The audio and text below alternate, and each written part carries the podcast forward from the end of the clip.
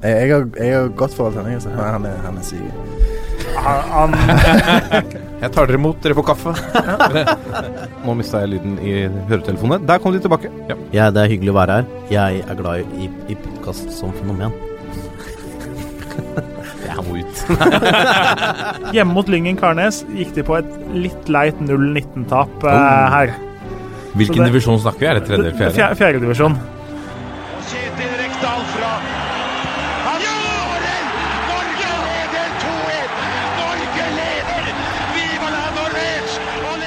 Og der er eh, toppfotball tilbake igjen etter et, eh, et lite uh, avbrekk, altså et opphold. Uh, Vi hadde et par uker der vi hadde to episoder på rappen. Vi får si at det komp kompenserer for at vi også kan være litt ustabile, ikke ulikt uh, lagene som skal i ilden til helga. Eh, det snakkes om at eh, Altså, det snakkes om derby eh, Derby della Diallo. eh, de, de ustabiles derby i det hele tatt. vi skal snakke mye om Vålerenga-Lillestrøm. Vi skal også snakke om Rosenborg-Molde. Dette er et, en meget spennende uke i Eliteserien. Og vi har fått med oss eh, en mann eh, som liker å mene. eh, programleder i den eminente Lillestrøm-podkasten Harde mottak. eh, også kjent for strake pucker, sterkt engasjement i Pyro og Pivo. Trym Hogne, velkommen. Takk for det. Takk for at jeg får lov til å komme hit. Det er veldig, veldig hyggelig. Lasse Magstein, la oss eh, melde på deg med en gang her. Velkommen. Takk for det, Martin. Jeg har jo Bra. Altså, jo. Bare kjapp ting. Ja. Jeg syns når vi andre melder forfall, så er du flink til å jobbe ut uh, episoder med relevante og hyggelige gjester. Så du, du må få en klapp på skuldra. Hyggelig å høre. Ikke forrige uke, riktignok. Nei da, men nei. sånn Sånn, sånn ellers. sett. Kan, kan dere da gi han ukens tulipan? Er det, er det Kanskje- mulig fra resten Å, av Det burde jeg nesten gjort. Så gjerne mot en fysisk bukett, hvis du har. Ja, få se på det. Ja. Ja. Jeg har jo eh, Altså, vi har jo eh, pratet eh, litt om denne episoden i sosiale medier. Jeg har forsøkt å liksom fyre opp under dette derbyet. Altså, jeg, jeg har et inntrykk av at det er god kok foran Lillestrøm-Vålerenga. Eh, jeg regner med at det blir god kok også på kampen. Men, men eh, hvis jeg, altså jeg prøver jo å fyre opp litt for å sette dere to mot hverandre. Men, men jeg skjønner jo at jeg har jo satt to pessimister. Som, det blir jo en slags eh, Jeg har fått høre det på Twitter, og dette blir en konkurranse i hvem som snakker ned sitt lag mest. Fordi ingen ønsker her å, å stikke nesa fram og si at mitt lag kommer til å vinne. Nei, Det er jo selvfølgelig fordi at da får du høre det, ikke sant? Da er det liksom Ja, det, du jinxa det, og faen, og ødela du alt, og ikke sant. Nei da. Men det er jo bare Jeg tror uh, Trym og jeg egentlig er ganske like rigga akkurat der når det gjelder egne klubbers uh, gjøren og laden.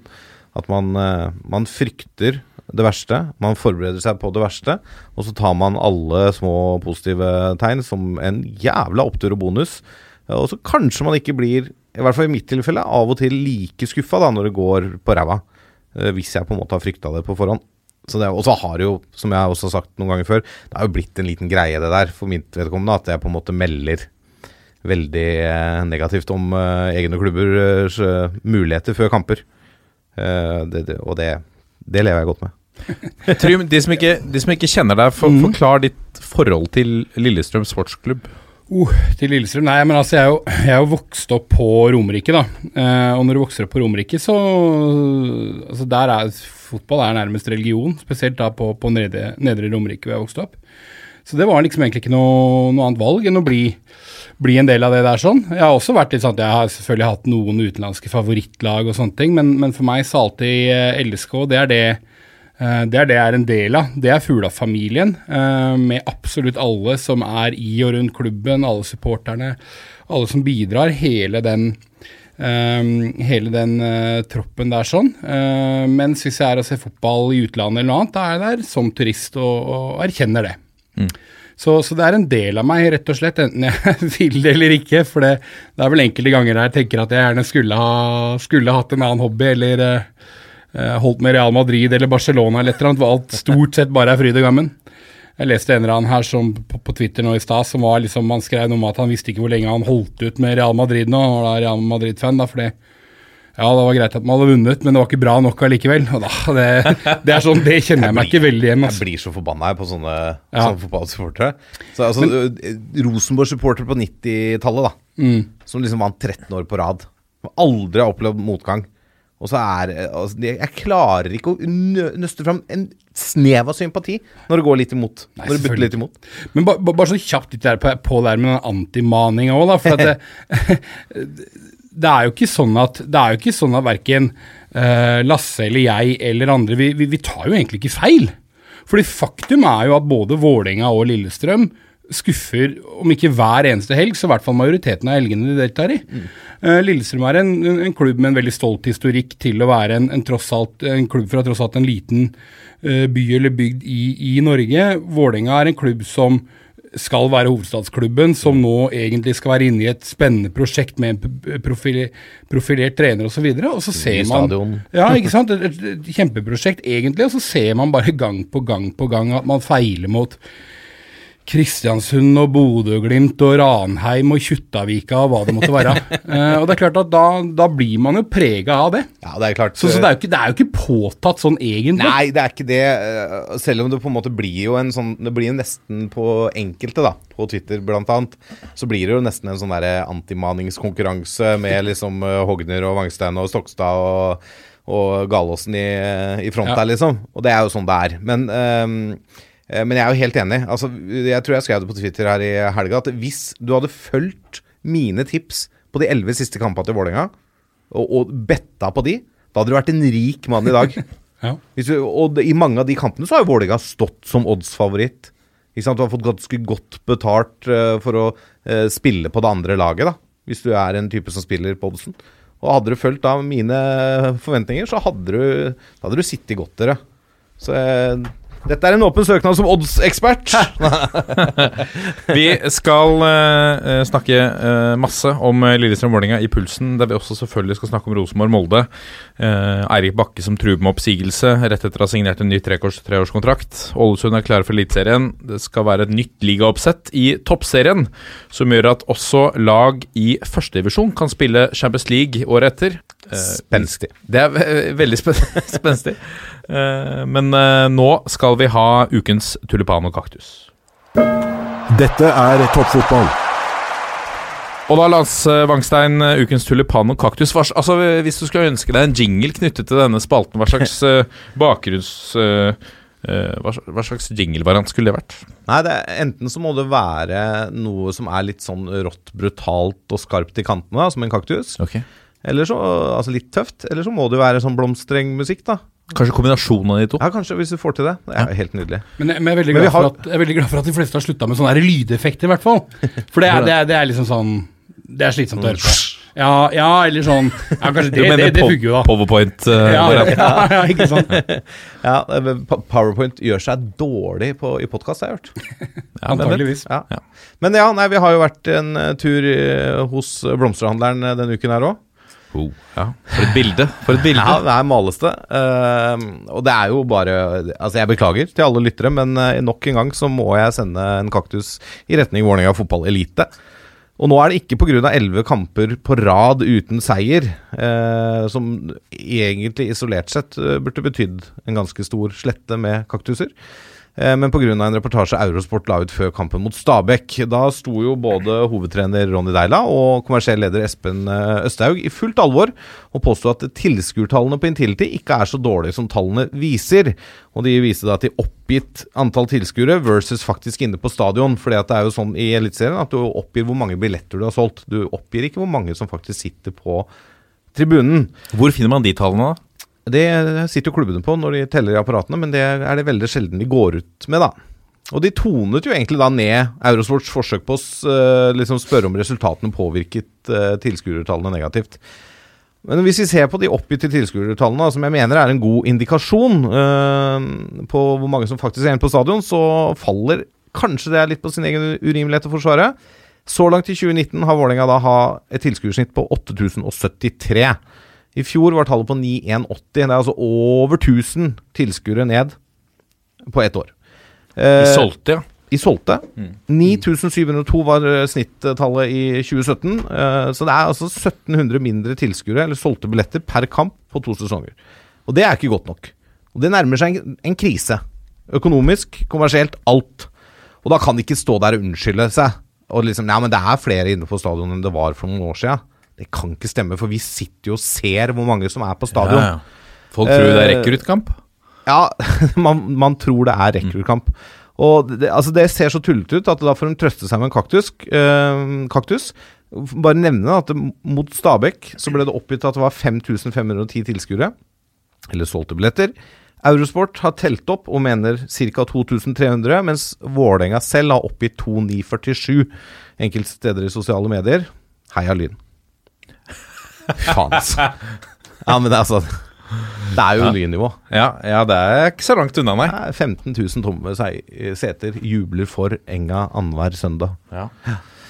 Så sånn er det. Tulipan, den sender vi eh, i retning Buskerud Riktig. denne uka her. Er Kenneth Carlsen.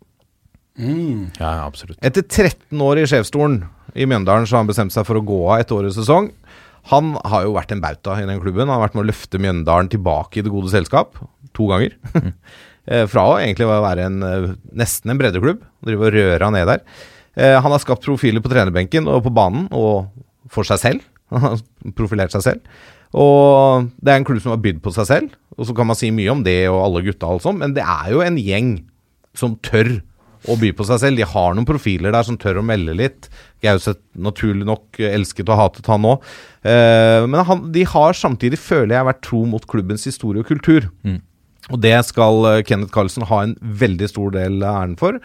Eh, det blir spennende å se hvem som skal fylle skoene hans, rett og slett. Det, det blir litt sånn eh, hopping etter en viss trøndersk skihopper og fotballspiller. Eh, så Kenneth Carlsen, eh, tulipan for 13 års lang og tro tjeneste i Mjøndalen. Fantastisk. Og Mjøndalen er jo litt den der eh, klubben også, ja, med unntak av Christian Gauseth, som, som jo stikker ned seg fram, og de som gjør det, de blir jo både elsket og hatet. Vegard Hansen også er flink til å by på seg sjøl, som gjør nok at hatskaren der også øker noe, med diverse champagne champagne Instagram-videoer osv. Som, som, som vi andre elsker. Så lenge det ikke går utover oss, så elsker vi det jo. Uh, og det eneste klubben her som supporterne som kanskje ikke er så glad i Mjøndalen, er vel Brann, strengt tatt. Ja, for de, de taper mot dem alltid. Og så er Godset er vel ikke så glad i dem, kanskje. da. Det det kan nok hende. Eh, Men- det men det er litt rart, for apropos det Derby vi skal snakke om etterpå. Altså Jeg vil jo egentlig ikke at Lillestrøm skal rykke ned, for jeg vil jo ha disse kampene. Hvordan er det med deg der, uh, Hogni? Nei, jeg er, no, jeg er nok helt enig i det. Jeg, jeg savner jo generelt sett å ha flere av de øh, Kall det de, store klubbene i Eliteserien. Gjerne, gjerne Fredrikstad, HamKam øh, og faktisk også Lyn. altså Noen ganger så Hvis du ser Lyn ble mobba en del for lave tilskuertall, men realiteten var at de snitta jo mye mer enn det de fleste, eh, eller veldig mange av klubbene gjør nå. Ja. Så jeg savner litt å ha de store klubbene i Eliteserien. Jeg tror det er litt av det som, eh, som er det negative òg, for det er ikke alltid sånn at folk syns det er super Hvis du er middels interessert, så er det ikke nødvendigvis kjempehøy prioritering å se Ranheim til, eh, til helgen. Nei, det er jeg helt enig i. Og da, men i Buskerud så føler jeg egentlig at det både i Mjøndalen og i Drammen så er det litt sånn Det er helt greit om de rykker det, for jeg vil ikke ha dem her. Nei, men Men hvor, så er de kampa. Altså, det trøkket rundt Stemningen rundt Elv Classico, da. men jeg vet ikke hvor gjennomtenkt det egentlig er. Er det er ikke- det norsk, være fotball er, norsk fotball er stappfull av synergier, egentlig. Og Det er også litt av grunnen til at jeg har tatt noen, noen fighter på annet på Twitter i det siste med, med, med fans av norsk fotball som skal på en måte disse det at noen andre sliter med til, lave tilskuertall. Nesten alle i Eliteserien nå sliter med lave tilskuertall i, i sammenlignet med hva de har hatt tidligere. Det kan du si ikke bare om Vålinga, men også om Rosenborg, eh, Brann, Lillestrøm. Flere klubber har blødd tilskuere og oppmerksomhet. selv Bodø-Glimt, som er med i gullkampen. Nettopp. Uh, og dette her henger i hop. Så jeg er litt sånn er litt Glimt sånn- kan vel eh, strengt tatt takke litt av det. Ja, nå i siste, Ja. forrige runde. Ja, men før det så hadde de et lavere stund, ja. enn de hadde sist de var oppe. Ja. Eller forrige gang. Ja. Når det er sagt, da eh, Når Mjøndalen skal ut og hente en erstatter for Carlsen Det må jo både være en som er kvalifisert som, som sportsdirektør og daglig leder, men han må jo også på, være forberedt på å kunne inngå et ekteskap med hovedtrener der. ja, ja. Det er en veldig spesiell rolle i Mjøndalen. Altså. Ikke bare det, han bør he strengt tatt helst ikke ha familie. Mm. Uh, ikke ha høye utgifter, for, for han får vel kanskje ikke så høy lønn. Uh, og, og, og tidsbruk, andre hobbyer osv. ha tid. Barn Ja. bør ha tid, ja. Ja. Er- jeg skulle like å se den stillingsinstruksen. Ja, den skulle jeg likt Jeg å tror se. faktisk den ligger ute på finn.no. Ja, det, det er faktisk sant. Den ligger ute. Det burde du jo sjekke opp. Ja. Skal vi søke? La oss gjøre det. Ta I en, sånn- I en pause. Hvem, hvem, hvem, hvem, hvem ville dere ha nominert, på? Nei, jeg, åh, den er tøff, altså. Ja. For det er liksom, Skal de hente noen som er sånn naturlig lokalt? Altså Skal de hente noen utenfra? Nei, det må være en eller annen gærning. Det må være en eller annen Ja, som er er, litt sånn ukalibrert. Ja, du må, tenke, du må hente en litt sånn gæren type som g- sannsynligvis bør ha fotballerfaring, men ikke nødvendigvis. Jeg så jo nå oppe på der jeg eh, arbeider på Hamar, så har jo har jo Storhamar Hockey henta en fyr som jobba hos min arbeidsgiver Boligpartner inntil nylig. Og blitt ny daglig leder her. Men han har jo vært i Hønefoss fotball før. Vært daglig leder der, så han har jo på en måte vært i idretten. Men eh, nei, jeg vet da faen. Det er du eh, du, skal, du skal være god på marked, ikke sant? du skal være god på profilbygging. Du skal, som du sier, snakke bra med trenere og spillere. Eh, du skal kunne snakke bra i media. Det er, det, er, det er en stor rolle å være daglig leder og sportslig leder i en eliteserieklubb, selv på Mjøndalens nivå. da. Ansvarlig for all virksomhet innen økonomi, marked og arrangement. Ansvarlig for strategisk plan og utvikling i samarbeid med styret. Tett samarbeid med hovedtrener rundt sportslig ansvar. Rett og slett gjøre alt Ja, det, det, dette er jo, I alle andre klubber i Eliteserien så er dette fem stillinger. ja. ja, det er sant. Egenskaper, Gode, relevante lederegenskaper. God kjennskap til fotballbransjen. Løsningsorientert og innovativ. Strategisk, forretningsorientert. Riktige verdier og forretningsetikk i henhold til Mjøndalen IF sine standarder. Ref. Det er ikke noe 8-4-jobb. Det er ikke noe 84 jobb Det er det veldig sjelden i en fotballklubb. Så lykke til. Spennende, altså. Spennende. Kanskje, eh, kanskje han som fyller skoene, skal få en tulipan på sikt òg. Jeg ser at det er en heltidsstilling. Det var bra de fastslo. En dobbelt heltidsstilling. Dette er toppfotball. Da har vi kommet til Ryddens øh, øyeblikk. La oss begynne med deg, øh, Hogner. Ja. Ja, For min del så For min del eh, ville det vært litt kjedelig hvis jeg hadde plukka ut noe fra, fra Lillestrøm. eh, Og der var det ikke så mye å plukke ut heller, så da blir det Michael Carlsen eh, mot Ranheim 4 Eller for Ranheim mot Odd.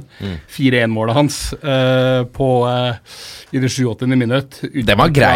Ja, den er fin. Det må jo være årets Det må jo være årets skåring i Eliteserien. Ja, det må det være. Jeg Jeg, jeg, altså. jeg bare husker altså, På oppsummering av Eurosport er så bra den derre voicen som er på den. Lite visste Ranheim-keeperen at han snart skulle slå en målgivende pasning. Høres veldig, høres veldig sånn 50-talls ut, Ja, ja, egentlig. Eh, men jeg syns, jo Michael Carlsen er en herlig type. Og han, hadde jo, han hadde jo et, eh, en scoring um, for Ranheim tidligere i sesongen også, som var omtrent vel fra like langt unna. Mm. Bare at da var det markkryper, og denne gangen så bare bankeren eh, kliner til. Så den, den syns jeg var nydelig. Det er så deilig å prøve. Ja, nettopp. Ja, Oh, Ja. Det er så deilig å ha det i seg. Etterpå. vet du, jeg, jeg kliner til, jeg prøver. Jeg ser han står litt langt ute. Han har jo, han har jo sett seg om, da. Han må, ja. Ja, han er jo orientert. Han er jo en smart fotballspiller. Ja, det, Fin er noe- altså. det er ikke noe tvil om det. Hvor skal du da, Wangstein? Jeg skal til en til til. Å ja? Ikke Vålerenga. Nei? Eh, det må jo bli Ullkisa-keeper Stefan Hagerup sitt frisparkmål mot Skeid. Ja, For vi, vi snakka jo om han tidligere, eller før sesongen, for han hadde vel eh, dunka inn et frispark i en treningskamp. Og har har jo gått litt og venta på, da. At mannen skulle få en Obos-skåring. Han bomma på en straffe blant han, tror jeg. Skeid så ut til å kape tre meget viktige poeng i nedrykkssiden da Hagerup, Hagerup gjorde seg klar fra ja, 25, eller noe sånt. Gikk for kraft og presisjon han og limte ballen opp i krysset. Han er keeper, altså. Uh, Keeperkollega Idar Nordby Lysgård i Skeidburet, sjanseløs, selvfølgelig. Da var det spilt 89 minutter. 1-1. Og så skårer Ullkisa et mål til minutt etterpå. Og med han Diomande, da, som er utlånt fra Mjøndalen. Fem minutter etterpå. Fire minutter på Ja, men det var, på, det var i 90. minutt, da, som Ja. det heter i ja. Men i hvert fall, da. Snur det til 2-1-seier på bortebane. Skeid eh, begynner å se fortapt ut. Ja, det sendte den de vel under streken. Ja, det, ja, det var jo under streken før òg, men Ja. nå, er det, nå er det flere poeng opp. Nå er det mer enn én Men med den seieren der som de lå an til å ta, så hadde de jo Hadde ligget over. Hadde sett litt bedre ut, ja. Mm. ja. Så Men altså, bare målet i seg selv er jo Det var Chilaver-klasse over den der. Helt ut. Men det, det er ikke så ofte vi ser uh, Altså, uh, Trym Hogner, du har eh, bred kjennskap til uh, alskens idrett som drives nedover Europa. Keeperskåringer på frispark. Nei, Ser vi mye av det? Europa, nei, det er sjelden. Jeg tenker jo liksom selvfølgelig du hadde en del, Før så føltes om Du, du nevnte Chilavert. Det føltes som han hadde mer av det før. Hans-Jørg Butt uh, skårte jo mål. Ja. Det var kanskje primært eh, Det var mye straffer, da. Og så hadde du eh, Han er meksikanske keeperen som spilte spiss òg. ja, Camp, Campos, Campos, hadde jo drakt nummer ni og spilte innimellom spiss. Jorge Campos. Eh, og så hadde selvfølgelig Rogerio, Rogerio Ceni i Brasil, um, som, som også driver med der. Men det er ganske uvanlig, og spesielt i sindige Skandinavia, så Mm. sender man jo ikke opp keeperen sin nesten på overtid av matchen, vel vitende at det kunne ha blitt en kontring imot, og, Og og da mot åpent mål. Er sant, det. Men så er det noe med at Jeg syns det var deilig. Selv om jeg egentlig ikke er så glad i Ull- Ullkisa. Fordi Romerike Ja, ja. Men uh, det er jo Keepere har jo også med årene blitt bedre og bedre med beina. Fordi at det er større krav til å være god med beina. Men de har jo alltid hatt tilslaget. Ja. Fordi at de skal jo ta disse femmeterne og spille ut, slå, skyte ut ballen og sånn. Du ser jo det når du står og ser på en eliteserietrening òg. De som har det beste tilslaget, er som regel keeperne, eller eh, faktisk keepertreneren. Fordi han står og slår disse innleggene hele tida for at de skal ut og plukke. Men eh, så du, bruk keeperne, da. De tar jo fot. Jeg tror litt av problemet er norske, norske trenere er ikke så veldig glad i risiko. Nei. Uh, og selv om da oppsiden er stor, hvis du vet at keeper er har en fryktelig god dødballsfot, da, så tror jeg, jeg tror likevel for mange vil feige ut på, på at man føler at risikoen er Faren bakover. Mm, ja. ja. Det er klart. Ja, for det er ganske mange situasjoner jeg føler at nå har du ingenting å ta på å sende opp keeperen Nei. på corner, og så ser vi ofte, som jeg også synes er helt latterlig, keeperen går opp, og så ligger det med, ligger det med gjerne en mann på midtbanen i tillegg. Mm. Hva er poenget, hva er poenget da? Nei, du skal opp ikke. og skape overtall og Ja. Det er rart. Vi går videre til eh, komplett.no Arena. Komplett arena heter det. Komplett Arena er det. Eh, gamle komplett.no Arena. Eh, og, Har, og de ikke, har de ikke nettsiden lenger? Har de, Nei, nei, det, har slutta, med web. slutta med web. Slutt med internett. Kun fysiske butikker nå. Sandefjord-Notodden eh, sto lenge 1-0 til eh, Sandefjord. ehm, før eh, Notodden da valgte å, å servere eh, eh, hjemmelaget denne 2-0-skåringen på et selvmål som eh, må ha gått eh, viralt. Eh, hvordan skal jeg beskrive dette? Det er et utspill fra, fra keeper til Du skal spille kort. Han skal spille kort til en forsvarsspiller. Det er vel han Vas... Er det Vasvik, eller hva heter han for noe? Han Vasby? på, Vasby er det, på, på Notodden. Ja. Keeper Martin Holmen, eh, i hvert fall, uh, slår ut til uh, Vasby, som uh, lobber den elegant tilbake til sin egen eh, burvokter. Uh, og Martin Holmen i Notodden-målet prøver seg på en volley med venstre. Uten hell, da. eh, slenger ballen i eget eh, bur der. Ja, Sleiver den inn. Sleiver den inn, rett og slett. Ja. Eh, En merkelig situasjon, eh, rett og slett. Og den kan jo Kan bli litt avgjørende, eller? Et av årets, eh, et av årets selvmål, dette. Ja, men sånn målforskjellmessig. Ja, ja, ja, ja uten tvil. Det er, en, det er et viktig selvmål. For Sandefjord, ja. For Sandefjord, ja. Ja, ja, ja absolutt. Tenk deg det om Sandefjord går rett opp på, på, på det målet. altså hvis det er Liten helt tulipan, av start. En liten Ja, tulipan. av Start. Da er det tulipan til de og kaktus til Notodden og Start. Dette er toppfotball. Ja, Trym Hogner. Nå skal vi eh, komme under huden på deg. Ok. ja. Høres vondt ut. Jeg, jeg høres ikke ut som det er etterspurt, men uh, kjør gjerne på. Du er, vi, er, vi, vi kjenner deg jo, vi, vi som uh, eh, Vi som har fulgt eh, Pyro Pivo siden eh, den uh, Man skal ikke si spede starten, hva sier man? Siden oppstarten, i hvert fall. Siden oppstarten, ja. Ja, Mm, ja. eh, kjenner jo ditt eh, Kjenner jo din stemme godt. Eh, jeg så på Twitter også at det var noen som hadde sett ditt blide åsyn for første gang eh, når vi la ut et bilde. ja, folk reagerte på at jeg ikke har, har hår, men det har jeg jo absolutt. Jeg har jo Ja. Det var mer hår enn meg, i hvert fall. ja. Um, det er Jeg er ikke noe Instagram-mann. Det er jeg nok ikke. Det er ikke veldig mye bilder som slenges ut. Nei, for jeg googlet jo bare, Ja. eh, og det var ikke så mye å finne. Nei. Det var det ene bildet der. Ja. Men du er jo en Jeg vet jo at du har et intenst forhold til fotballen. Ja, det er riktig. Det er liksom Altså det høres litt sånn pompøst ut, eller litt sånn, men eh, fotball er liksom livet mitt. Altså. Det, er, det er det viktigste av absolutt alt.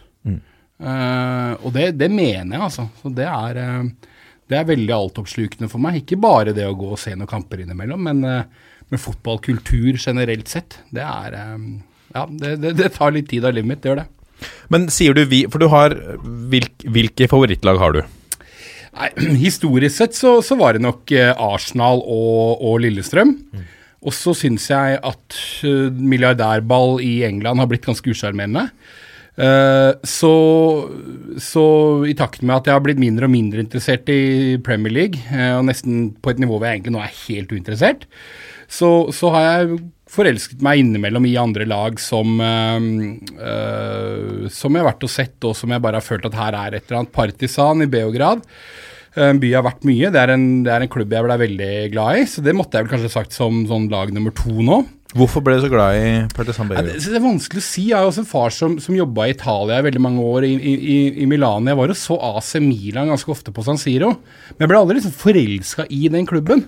Så for meg er det litt vanskelig å si hvorfor, um, hvorfor man innimellom forelsker seg i én klubb, men ikke i en annen, på en måte. Jeg vet ikke om det eh, jeg vet ikke om det er noe enkel måte å forklare det på, men, eh, men, men det er vel litt sånn som kjærlighet generelt, at det ikke nødvendigvis er eh, rasjonelt i det hele tatt. Der, men sier du vi om For du sier vi om eh, Lillestrøm. Ja, for det er familien. Mm. sier du vi om eh, Partisan? Nei, det tror jeg nok ikke jeg gjør. Kanskje da jeg var og så dem slå Molde på Molde stadion. Eh, det var en veldig fin kveld for meg for, for noen uker siden her. Eh, da, da var det nok vi-stemning. Var det jeg- litt dobbel lykke at både Partisan vant og at Molde det, kan tapte? det kan jeg love deg at det var for min del. Um, men jeg er også glad i basketball, uh, så jeg ser følger jo da også Partisan litt i basketball. Jeg har vært og sett dem noen matcher der, samt at uh, Beograd for meg er en av Europas kuleste byer, så jeg elsker å reise dit. Uh, så er det kanskje en kombinasjon av uh, flere elementer der, da. Det er en klubb med en ganske sånn uh, det er litt sånn rustikk kultur rundt klubben, noe som vel passer meg bra, samt at det er, det er mye det er mye bra tribunekok, noe jeg setter veldig pris på. Det er mye bra eh, Altså klubben, det er en del bra musikk rundt den og sånne ting også, så det er veldig mye Det er mange aspekter, da. Beskriv ditt for forhold til eh, Molde, da. Ehm, oi. Uh, den, holdt på å si, da måtte vi satt av litt tid. Altså, jeg, er, jeg, er, jeg er vanvittig lite begeistra for Molde og hvordan de har opptrådt i fryktelig mange saker egentlig over lang tid. Det er klart at uh, Babakar Sar-saken er jo hovedsakelig det jeg syns de har håndtert helt eksepsjonelt elendig. eh, og det tror jeg de fleste som har hørt mitt navn før, har fått med seg hva jeg syns om det, men det går på fryktelig mye annet også. Som handler om Statoil Akademi og eh, Solutions-selskapet til Jim Solbakken og Solskjær. og eh, Egentlig en sånn generell ukultur på, på mange, mange punkt. Samtidig som jeg er ikke noe veldig glad i at det er en klubb som er innmari stolte av det de får til sportslig, men som glemmer å minne om at eh, alt det de får til, er et resultat av eh, en eller to milliardærer som har pumpa penger inn uh, ustanselig i 20 år nå. Uh, så de har fått egentlig alt gratis, og så er de likevel veldig stolte av hva de har fått til. Det syns da- jeg er usjarmerende. Altså er, er litt av dette også basert på at eh, Altså mitt inntrykk, da Og nå vet jeg ikke om det er riktig, riktig eller galt, men mitt inntrykk er at uh, i den uh, Babakar Sa- Sar-saken, blant annet, så det virker som at han som da var trener, som nå Ja. er manager i en litt større klubb nede på kontinentet, at han var litt sånn untouchable i media. At det var litt At det var liksom Det føltes litt ut som at eh, Nei, vet du hva, vi kan ikke plukke så mye bort i dette, for at da blir det For det, det er jo klart at der oppe så Det har jo vært medieboikotter. Ja, ja, visst har de det. Eh, de, de, de nekter folk å ha med bannere hvor det står 'mot voldtekt', altså, og 'mot' er en av hovedsamarbeidspartnerne til Molde fotballklubb. Ikke sant? Det er så mye der som går Som jeg ikke får til å henge på greip, da. Syns jeg, jeg syns at, øh, jeg synes at i, i norsk kultur så har vi en tendens til å forherlige noen av de største idrettsstjernene våre for mye. Um, Ole Gunnar Solskjær har blitt omtalt som hvit som sne. Uh, til tross for at han egentlig har hatt en del Han har jo hatt liksom selskap med Jim Solbakken og en del ting som helt åpenbart burde ha vært uh, kritisert og stilt flere spørsmål rundt enn bare fra Josemar. Og samme når du ser en norsk skiidrettsutøver bli tatt i doping, så er hele Norges befolkning helt overbevist om at dette var helt sikkert bare en feil, og dette var ikke med vilje. Eller hvis en eller annen krasjer i fylla, så er det liksom sånn greit nok. Så jeg syns at de aller største idrettsstjernene her i landet kanskje kommer unna med for mye, da. Nå vil jeg ikke ha eng altså engelske tilstander heller, da. Nei, hvor de men er liksom, for nei, det er der går det jo så langt, da. Og Mm. det, det på en måte Altså, det, der virker det ikke som det er noe kildekritikk, da. Uh, så det er jo liksom Men det er kanskje å tørre å pirke litt borti de tingene som da f.eks. Josemara har turt å pirke borti. Ja, for er vi er journalister da for redde for å stille disse spørsmålene av frykt for at du da, ditt navn blir svartelista, slik at du ikke får et intervju med denne mannen neste tror, det. gang? jeg tror det, for du ser jo det i Solskjær-Solbakken-tilfellet. Så de nekta jo å stille opp eh, i Josimar i, da Josimar skulle lage en sånn eliteseriebibelen før sesongstart et år. Ja. De bare nekta å snakke med dem. Det var helt Alle andre trenere stilte opp. Mm. Solskjær bare nekta. Nei, pga. det dere har skrevet om Jim, så er det ikke snakk om at jeg snakker med dere. Og det er klart, det, er, det fins da nok eh, journalister der ute sannsynligvis som er redde for å havne i den eh, svartelista. Det minner jo litt om Alex Ferguson, som, som gjorde det samme med BBC i England, hvor du var pliktig til å møte opp, stille opp for BBC etter hver kamp. Eh, F- Ferguson nektet plent etter de, de, langs, de ga ut en kritisk dokumentar om, om sønnen hans, var det vel? Eh, og da fikk de bot på, på var det 6000 pund etter hver eneste kamp han ikke ble. Han tok boten etter hver eneste kamp Mm. istedenfor å stille opp. Men en ting er jo hva treneren gjør, og sånt, men en annen ting er jo hva supporterne aksepterer av uh, manglende åpenhet fra klubb, hva lokale sponsorer og andre finner seg. Og det syns jeg nok Igjen tilbake til Molde. Der syns jeg nok at kollektivt at Molde har, eh, har svikta. Altså ikke bare fotballklubben, men, men eh, by, byen og bygda. Nå er er, apropos sponsorer, der må jeg bare si det burde nesten vært en tulipan. Det er jo forbilledlig av eh, Sparebank1 Nord-Norge i dag, etter at Tromsø sin daglige leder i går gikk ut og sa at damelaget til Tromsø fikk ikke lov å bruke garderoben til herrene, for at der hadde de godlukten sin og skoene sine og ting de trengte i det daglige. Selv om da garderoben sto tom på Alfheim, så fikk ikke damelaget lov å bruke den garderoben. Og da gikk jo eh, en eller annen fra Sparebank1 ut og sa at det, det der er Sånn kan vi ikke holde på. Nei. Dette går ikke. Nei.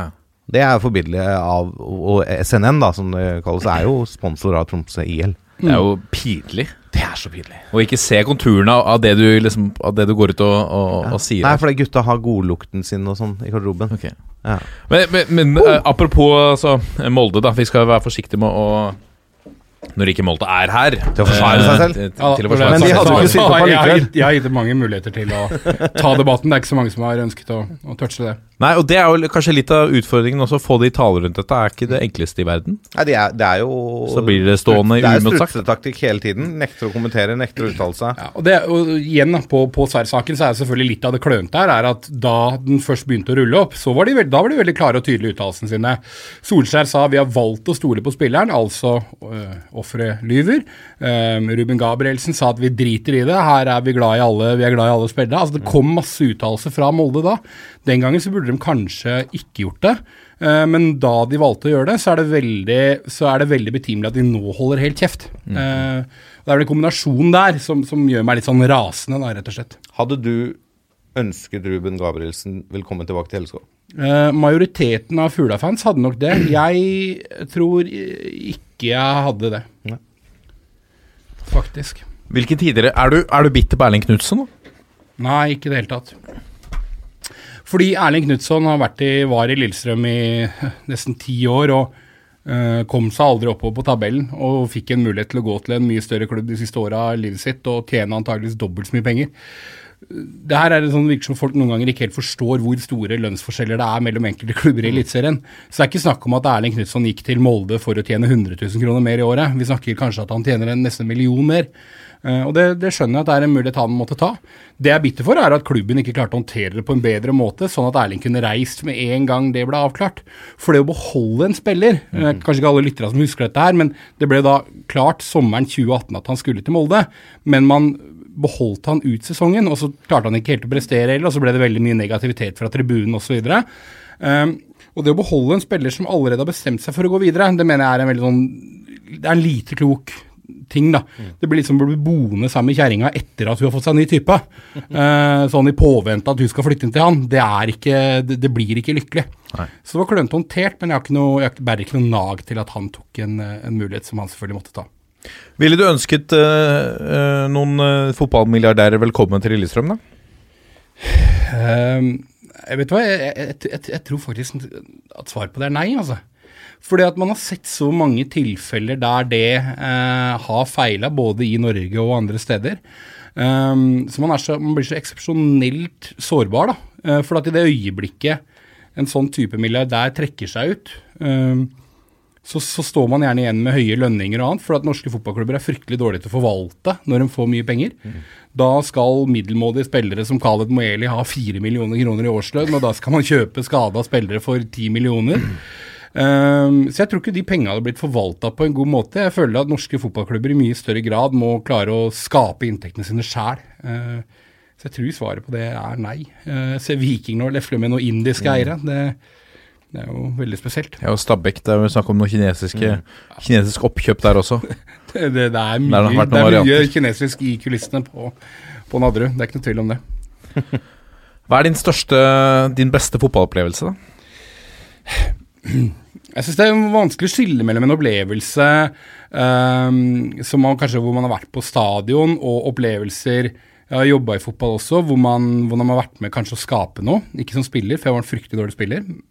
Uh, men uh, siden jeg visste at du skulle stille spørsmål, så tenkte jeg litt på det, og da tenkte jeg tilbake på uh, VM 98. Da var jeg sånn typ 13, ja, 14 år gammel var jeg da. Og eh, Norge-Brasil. Så da var det sånn at alle i Norge satt hjemme i stua og så den kampen, samme om man var fotballinteressert eller ikke.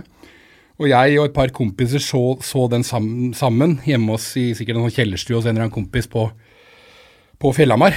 Jeg husker da jeg og kompisen min som het An um, An hadde kommet bare noen få år tidligere fra Vietnam. Uh, etter å ha blitt henta inn fra familien som tidligere hadde kommet inn som, som flyktninger. Uh, da vi gikk hjem fra den matchen og Norge hadde slått Brasil, og det var sånn euforisk stemning Når man gikk forbi folk i gata da, så sa folk gratulerer til hverandre og liksom high fives og sånne ting. Det var en veldig spesiell stemning.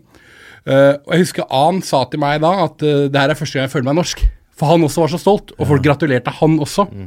Eh, og der og da så tror jeg jeg skjønte litt om hva slags brobygger fotballen kan være. da. Eh, så, så, så det er nok et sånn øyeblikk eller en kveld jeg ser tilbake på hvor fantastisk det resultatet var, men også hvor mye det engasjerte. Men kanskje også integrerte liksom, og, og fikk nordmenn og øh, folk som kanskje ikke er etniske nordmenn, nærmere hverandre. Eh, så jeg, jeg tror jeg måtte pekt på, på det øyeblikket der, eller den kvelden der. Ja, for fotball gjør, gjør folk litt blinde. Man glemmer Jeg, jeg, jeg tror selv at øh, kanskje de ivrigste hva skal vi si, trollene i kommentatorfeltene, når de sitter nede i kjelleren der, når de får eh, norske landslaget som hadde gjort suksess i et nytt VM-sluttspill, at, man- at man glemmer helt politikk, religion, alt mulig. Man samles om, om, eh, om fotball. Ja, heldigvis eh, så gjør man kanskje det i de øyeblikkene der. Så vil det jo selvfølgelig alltid være noen troll som da vil påpeke at eh, han spissen vår som spiller i Bournemouth, ikke er eh, helt hvit, f.eks., eller eh, sånne ting. Og, det, og sånn Men vil tror du det? være. Når det går bra, tror du det? Nja, jo, men det vil alltid være noen ordentlige troll, dessverre. Men jeg tror, jeg er helt enig, at det generelt sett, med gode resultater, gode opplevelser med landslaget, så bygger det broer, knytter bånd og gjør noe med, eh, med folk.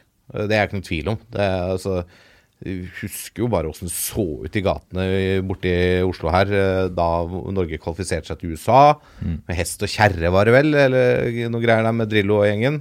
Ikke sant? Eh, Da Brasil-kampen, ikke sant. Eh, Bølgen oppover Karl Johan der. Altså det- det er noe helt, helt spesielt når landslaget, og i et land da som er sultefora på suksess på landslagsnivå, opplever noen små oppturer. Det, det er noe helt spesielt for oss som husker det, da, som er gamle nå. Jeg kaster ut en brannfakkel og sier at eh, altså, vi, vi er, et, eh, vi er et, en nasjon som ikke har vært i sluttspill på, på 19 år. Og det er klart at det skaper litt konflikter i dette samfunnet. Det bør et stortingsvedtak nå på at vi skal til neste sluttspill. og så bør man iverksette virkemidler eh, for å forbedre muligheten for at dette skjer. Da. Vi, må, vi må samles som en slags dugnad. For det er til det beste for det norske samfunnet. Men hva gjør vi nå? Vi, hvis vi ikke klarer å kvalle oss via Nations League til eh, neste EM-sluttspill, så er det et VM som kommer i Qatar. Som veldig mange mener at det her må fotballforbundet boikotte. Hvis vi går dit, må vi boikotte. Og så klarer vi å kvalle oss da til VM i Qatar. Skal vi da boikotte VM-kvaliken nå, for å ikke havne i den situasjonen? Hvordan vil folk reagere da? Den, det, det kanskje er en egen pod? Få inn noen fra ja, NFF? sant. Men jeg føler så, Er dette Pyro Pivo? Det, Ja, det er nesten Ja, Pyro Pivo, gikk tror jeg. litt over i pyro pivo der. Ja. Men jeg føler at uh, så, så små som Norge er i fotball nå, så ville effekten av en norsk boikott der sånn vært omtrent det samme som om uh, uh, Botswana hadde boikotta vinter-OL. Altså, det, har, uh, det har null verdi, tror jeg. Ja. Um, Men det er litt, det er litt som signaleffekten, da, kanskje? jo. Men hvor skal man egentlig begynne? Vi sitter jo her nå og jobber på utstyr levert av Mac og iPhone og alt mulig. Er det ikke sånn at en del arbeidere der også ikke sant? Nå skal jeg ikke begynne sånn whataboutism, for det hater jeg egentlig, men um, den er vanskelig, Ja, den, den der. er Altså. Så spørsmålet er jo skal man la fotball være en brobygger, og så tenke at prøve å fokusere på de positive tingene, eller skal man bruke det mer som en sånn politisk greie? Det er litt sånn vanskelig når man helt åpenbart burde stille noen kritiske spørsmål. Det har jo vært norske sportsjournalister som var i Doha under VM i friidrett nå, som har sagt jeg skal aldri tilbake til Qatar. Da sier du med en gang da, at hvis Norge går til VM, da jobber ikke jeg. Nei. Da har jeg fri. Vi får invitere Andreas eh, Seljås her, som kan gi et, eh, Ja, et bredt eh, perspektiv på dette. Men det jeg skulle elske å høre da, er en eller annen som satt på motsatt ende av det, og, og kunne påpeke at jo, men, men ja, alle er enige om at uh, arbeiderne i Qatar og dette systemet med der man uh, må gi fra seg pass, og at det er fryktelig masse som ikke er bra. Men jeg skulle likt å høre hva er noen av de Nå ser jeg sikkert naiv ut, da, men hva er de positive tingene med at man nå har fått mer fag, flere fagforeninger? At man har fått systemer som tross alt løfte Det er noen ting som har blitt løfta av det òg. Så man måtte klart å Skal man få til en debatt, så må man klare å finne en eller annen motpol. Men siden det er så kontroversielt som det er, så er det veldig vanskelig tror jeg, å finne den, den kandidaten. da. Klarer vi å få inn Seljås og Infantino, eller, eh, eller må vi klare oss med Siem? Kan kjøre Sepp Latter også, en liten invitasjon der. Siem, da. se hvordan det Siem. går. Kan sende melding, jeg. Apropos, men når vi er inne på, på, på ledelse da. Hvis du, vært, eh, hvis du hadde vært fotballdiktator i NFF, og med, i det så legger jeg at du kan eh, foreta endringer, bestemme ting, uten at noen kan stoppe deg. Ja. Hva ville du gjort? Ja, altså du, Toppserien, Eliteserien i Obos, så må det forbys kunstgress. Det er, det, det er tøys. Det er ingen andre i Europa som driver med det. Det må kutte ut. Så jeg skulle hatt vekk kunstgress. og så skulle Gjør det i Nederland. Sverige. Aset Alkmaar spilte på kunstgress nå i Europaligaen. Ja, men Staden har rast, har den ikke? Så- Ja, antageligvis. Um, ja, det er mulig å gjøre det i Nederland, men jeg syns kunstgress er en uting. I hvert fall når vi ikke har kommet lenger på utviklinga vi tross alt har. Da. Så jeg ville fjerna kunstgress, og så ville jeg legalisert pyro på tribunene. Helt sånn totalt uten noe form for føringer. Bare kjør på.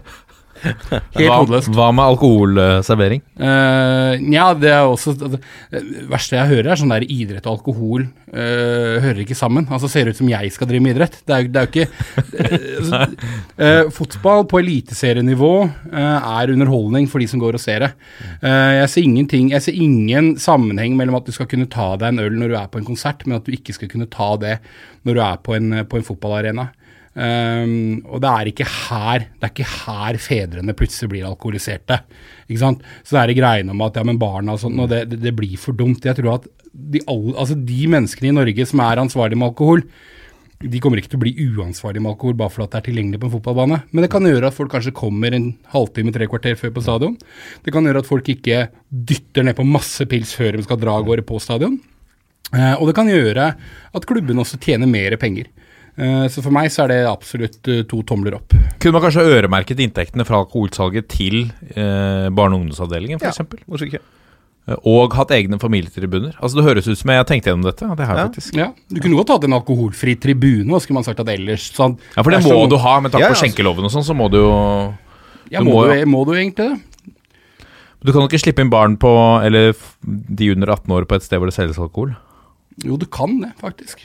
Ja, restauranter så videre. Ja, ja, ja, jeg, det var akkurat skjenkeloven. Jeg har tatt der skjenkeprøven og, og kjørt og greier på en tidligere i forbindelse med noe tidligere arbeid. Så sånn, sånn i utgangspunktet er det ikke noe i veien for det. Og du kunne godt, du kunne godt ha begrensa det litt, sagt at du- per, billett så har du Du kan kjøpe to enheter, f.eks. Da. Mm. Hvis, da Ja, fri, du trenger jo ikke ha fri flyt. Nei. Men jeg, jeg tror Men, men mange folk, folk, folk vil ikke dratt på en fotballkamp for å drikke seg Nei, nei. uansett. Men noen vil kanskje dra på fotballkamp og synes det er hyggelig å kunne ta seg en øl med kompisene sine, samtidig som de støtter laget sitt. Ja. Eller gå i pause og ta seg en øl. Ja. Så ja, jeg er pro der òg, gitt. Så, så pyro og bort med gress. Poro, pi, Inn med pyro, ut med, pyro, pivo, ut med kunstgress. og ut med kunstgress. Det er greit. Rett og slett. Og så må vi eh, Altså, noen har hørt denne historien før. Jeg har hørt den flere ganger. Eh, Jeg elsker å høre den hver gang. Du har eid en fotballklubb. Ja, det stemmer. Jeg eide en fotballklubb i sørstaten i South Carolina i USA i, i et par år. Uh, i, I en by som heter Myrtle Beach, som er et sånn litt sånn white trash holiday destination, egentlig. Eh, med endeløse sandstrender og masse barer og restauranter. Så eh, fryktelig, fryktelig artig sted å oppholde seg, eh, det. Um, ja, altså, hvor skal man begynne? Jeg begynner med hvordan det begynte. Ok. En tidligere, tidligere bekjent av meg, som, som er norsk-amerikaner, som jobba som lokalpolitiker i North Carolina, kontakter meg eh, i ja, la oss si det var 2010 eller noe sånt. Og spør liksom hva driver du med om dagen. Jeg forklarer litt at jeg jobber litt med sånn og sånn arrangement, og jeg eh, har starta noen selskaper som jeg, jeg er egentlig liksom dritlei av det meste. Og så spør han da ja, men Trym, du er jo eks ekstremt interessert i fotball. Jeg har en idé her. Vi har lyst til å starte en semiprofesjonell fotballklubb på uh, nå er det, jo ikke en, det er jo ikke en fotballpyramide med opprykk og nedrykk i USA. Uh, så dette er sånn, Hvis man skulle satt det i et eller annet perspektiv, så er det en slags, det er en nasjonal liga som spiller jo i alle statene, men, men som da er på nivå fire da, på en måte på pyramiden. Eh, National Premier Soc Soccer League. Uh, han har lyst til å starte en lag og lurte på om jeg kunne være med og tenke tenke meg å være med og, og, bli med på det. Og først så jatter jeg jo bare litt med og tenker at ja, vi kan jo sikkert liksom bidra litt. og sånne ting, Og så blir det liksom fram og tilbake, og så plutselig, før jeg veit ordet av det, så sitter jeg omtrent hver kveld på altså Dette var jo litt før WhatsApp og alt mulig, så var jo Messenger, ikke sant? Husker dere? Altså gamle Messenger, Ja. Hotmail-varianten. Og sitter og chatter og sender dokumenter er fram MSN? og tilbake. MSN Messenger, MSN, ja. ja, ja, ja. Nettopp den. Eh, og, og, og begynner å jobbe med dette ganske seriøst. Og vi eh, blir enige om at vi skal, eh, vi skal prøve å launche dette. her. Det er, en, eh, det er en sum man må betale for å, for å få kjøpe seg inn i ligaen. Det er sånn det fungerer i USA. Så da handla det om å finne et marked. Hvor er det vi tror det kan passe å ha en semiprofesjonell fotballklubb med tanke på både tilgang på spillere, publikum og andre revenues. Eh, hvor utgangspunktet bare var at vi var enige om at det må antageligvis være North Carolina eller South Carolina. Eh, og så fant vi ut at Myrtle Beach, der er ikke noe klubb i utgangspunktet på, eh, på et sånt nivå. Så vi prøver å, å, å, komme inn der, og jobber da med et, både med kommune og andre for å liksom få til en, eh, en, en greie med stadion og i det hele tatt. Og, og mye sånn arbeid, sånn kulissarbeid i typ to år. Før jeg en eller annen kveld en lørdag er på vei i en taxi hjem fra byen, og telefonen ringer liksom klokka tre om natta om at «Eh, nå, nå har vi fått godkjennelse, så nå er det bare å komme over.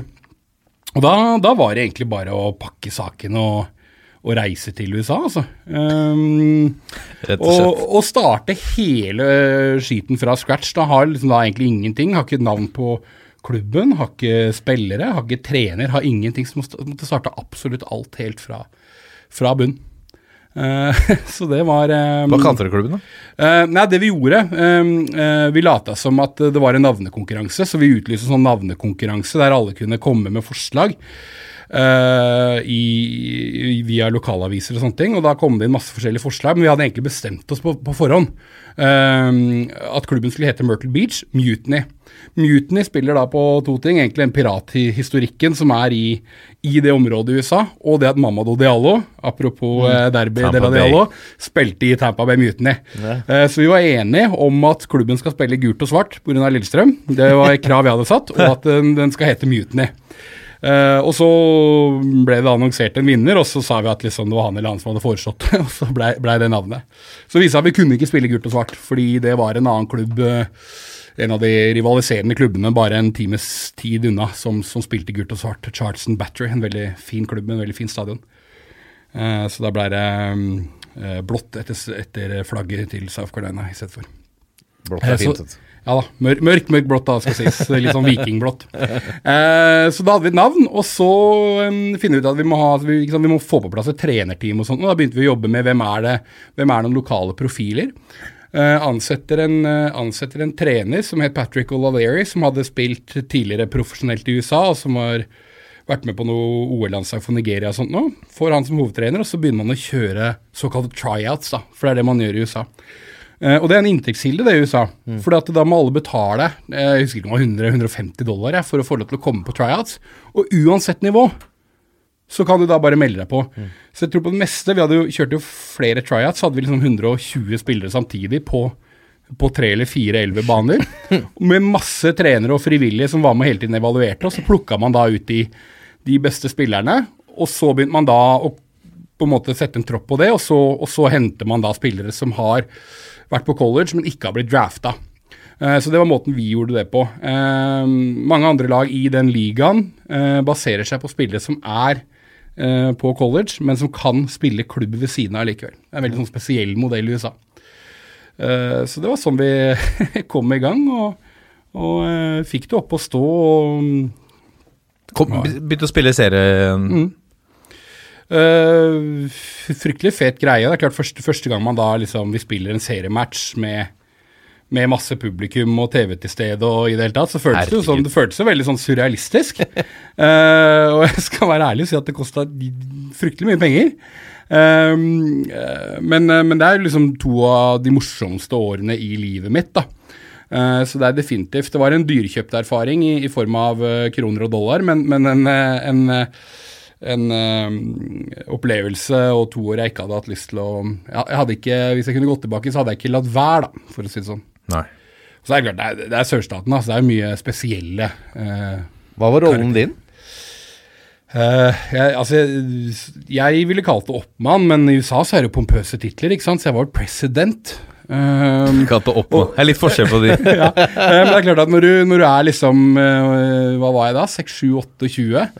Og går på byen og, og kan kalle deg president for den lokale fotballklubben, så, så, er, så høres jo det bra ut. Uh, så, så Får litt gratis skjenk av det. Eh, Definitivt. Men uh, i det store og det hele så, så er man en altmuligmann da. Um, for det, og det, det var liksom Man jobba sju dager i uka og uh, starta åtte om morgenen og holdt på til liksom ti-elleve om kvelden.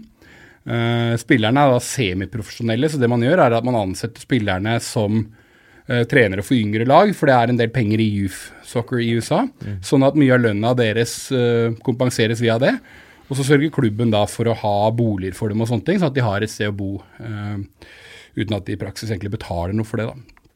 Uh, så det var det. Så spilte vi da i første året, tror jeg vi var i i vår region så var det vel en fem, seks, syv kanskje forskjellige stater, så man fikk jo reist litt rundt og sånne ting i, i stater man kanskje heller ellers kanskje ikke hadde dratt så mye i, da. Tennessee og Husker vi skulle til Atlanta, da skulle jeg sende av gårde lagbussen. Vi skulle kjøre, jeg og den ene assistenttreneren skulle kjøre bil, og så skulle de andre kjøre buss, da. Og så sitter vi hadde en veldig spesiell eh, fast bussjåfør som het Roger, som var da tidligere, tidligere sånn marine, da. eh, Litt sånn hard, hardbarka type. Og så står jeg og prater med Roger, han sitter inne i bussen, og, og eh, det er sånn, sånn 19-seters buss, altså ikke sånn full buss, men sånn, sånn hva som man kaller det, sånn stor maxitaxi nærmest. Ja. For det er en tre timers kjøretur. Og så ser jeg jo liksom i den derre midt... Altså dette hva heter dette rommet mellom setene? Midtraden, der. Midtgangen? Ja. Ja. Så ser jeg at det ligger et eller annet, så jeg tenker hva er dette for noe? Så det, faen, det er å ha med deg, liksom. Nei, det, det er glokken min, da, ikke sant. Og så ser jeg, men mann, du kan ikke kjøre, du, være du på med. Du kan ikke ha den liggende der. Hvorpå da Roger skjeller meg ut, for man drar jo selvfølgelig ikke til Atlanta unarmed, som han eh, sa. Så det måtte jeg jo bare fatte, at det var klart at når vi skulle til Atlanta, så, så måtte du pakke. Eh, så det er en veldig annerledes kultur enn eh, enn Norge, da, kan du si. Jeg tror ikke det er mange Obos-lag som kjører rundt med, med skytevåpen eh, lett tilgjengelig. Spesielt. Kan, kan vel være noen fra Oslo vest som hevdet det samme da de skulle på Ikke på Ullevål stadion, riktignok, men, men da de skal på Lillestrøm-kamp, f.eks., du drakk til Lillestrøm uten en, et håndvåpen. Det er mulig. Vi har bedt deg om å sette opp din fire norske fotballstjerners middag. Ja, det er vel en fast, fast spalte her, det. Jeg, jeg, jeg, jeg hadde jo E på E-måte, så men, men jeg skjønner at det skal være noen kjente, da. Men egentlig så hadde jeg jo lyst til å si Altså, jeg har den der faste reisegjengen min med Lillestrøm-gutter. Morten Galaasen og, um, og Roy Sørum og Stefan Haugerud, som man sikkert har hørt litt i Pyro og Pivo. Så på en måte skulle jeg sagt de gutta. uh, men, men for å gjøre det litt etter kriteriene her, da så, Litt mer så- kommersielt. Ja, ja, nettopp. Må jo det nå. Så, så blir det Nils Arne Eggen, uh, og så blir det Tom Lund. Selv om det er veldig ærefrykt for en fyr fra Lillestrøm, da, da hadde jeg vært sånn starstruck, så jeg vet ikke helt om jeg egentlig hadde turt å servere han. og så blir det faktisk Jesper Mathisen. Ja. Ja. Jeg møtte han for første gang for ikke så lenge siden, og jeg har alltid tenkt at det går ikke an å være så entusiastisk som han fyren her faktisk er på ekte. Men han er faktisk akkurat sånn. Så han er en utrolig fin type. Fikk jeg innmari godt inntrykk av han. Så da hadde det blitt de, eh, de fire. Eh, Nils Arne Eggen og Tom Lund, selvfølgelig, fordi for meg så er det de to største fotballhodene Norge noensinne har produsert. Eh, Så, så det har vært spennende å sitte og prate med dem både om, eh, om, om fotball og godfotteori og, og hva som skal til for å lykkes, eh, som jo Tom Lund var ekstremt opptatt av. Og så da Mathisen, bare for å, for å sørge for at stemninga er god hele veien. For å få litt eh, energi. Ja.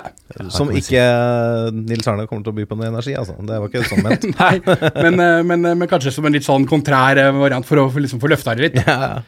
Så det ville vært, det ville vært gjengen, da. Hva ville du servert, da? Er du en, er du en kjøkkenets mann? Nei, vet du hva, jeg, jeg er faktisk virkelig ikke det, altså. Uh, Hva ville du bestilt? ja, nei, fruen måtte jo da Hun måtte ha hjulpet til. Uh, og når jeg sier hjelpet til, så mener jeg vel egentlig at hun måtte gjort hele jobben. Uh, men da hadde det blitt sarmale, eh, som er noen typisk Balkan-rumensk mat. Eh, kjøttboller pakka inn i kålblader. Vanvittig godt. Som hun da skulle fått lov til å, få- fått lov til å lage nå. Så jeg er nesten litt sånn men, men ja, at hun eh, kunne hjulpet til med å lage det. Så hadde vi servert det. Nydelig. Og så selvfølgelig med rakia eller en liten palinka etterpå. En slags eh, en Bring, er det bringebær eh, Nei, det er det ikke. Ja, jo teoretisk sett. Altså, man sier jo det på Balkan at uh, alt bestemor kan lage syltetøy av, kan bestefar lage raki av. Så ja, det kan godt være bringebær, men det er ikke veldig vanlig. Plomme er nok uh, Jeg tenker på den ungarske. Der er det et eller annet bringebær Det kan godt, kan godt tenkes. lenge. Mm. Ja, riktig. Nå kommer pulsen. Og så er det vel en, ja! Mamadou Diallo skårer eh, sesongens første på Åråsen.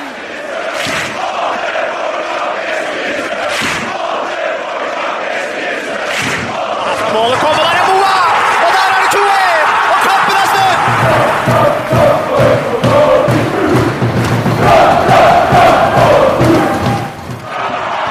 Og da er vi kommet til pulsen, en derby-spesialpuls. Fordi det er duket for Frode Kippe mot Adam Karasai, hengeren mot Tom Lund, Diallo mot Diallo, gress mot plast, Kanarifansen mot klanen, gult og sort mot blått og rødt, Lillestrøm mot Vålerenga og Hogner mot Vangstein. Altså er uh, Ep episk duell helt til slutten der. Ja, det er en tung duell på slutten der. Pessimistenes store kamp. Da du kom inn døra her, eh, Trym, så Ja. sa du at eh, Jeg spurte deg er du i form. Så sa du at eh, egentlig du har, du har vært i bedre form, at derbyuka er helt spesiell for deg. Ja, men det er Det kan kanskje høre For folk som lytter til det her, så kan det kanskje høres sånn påtatt ut, men det er faktisk sant. altså. Jeg merker at den uka her sånn, så er jeg irritabel. Jeg er liksom sånn ukonsentrert. I dag på kontoret så klikka jeg helt fordi at en eller annen luring hadde satt igjen kaffekoppen sin. Vi har sånne automater ikke sant, hvor du trykker og så kommer det kaffe. Og Jeg irriterer meg fryktelig over at noen går bort og skal lage seg en kopp kaffe. Og så bare setter de meg inn og går og glemmer det. uh, og det skjer jo for så vidt ganske ofte. Jeg syns det er veldig rart, for hvordan kan du glemme det? Men, men denne gangen så bare merka jeg at det irriterte meg. da. Så man er veldig sånn man, eh, man uh, På tå hev. Ja, på, virkelig på tå hev. Samtidig som man er ukonsentrert. Så det er en spesiell følelse opp mot, mot derby. Det er det, altså. Hva med dine kollegaer i, på Hamar der, Vangsten? Har de, en, har de en tøff uke med deg som kollega denne uka? Nei, altså de, de fleste der gir jo Altså de gir jo blanke i fotball, for å være helt ærlig. Jeg Det har en, hockey. ja, det er, det er litt hockey. Og så har jeg to bergensere. Han ene er eh, Brann-punch og Arsenal-punch. Så han kan jeg snakke litt grann fotball med, men alle de andre rundt bare sitter og rister på huet når vi begynner, så det begrenser seg jo litt, da. Ja. Uh, så det, det har ikke blitt så mye fotballprat, men det er klart jeg, jeg merker det på kroppen at det nærmer seg den kampen her.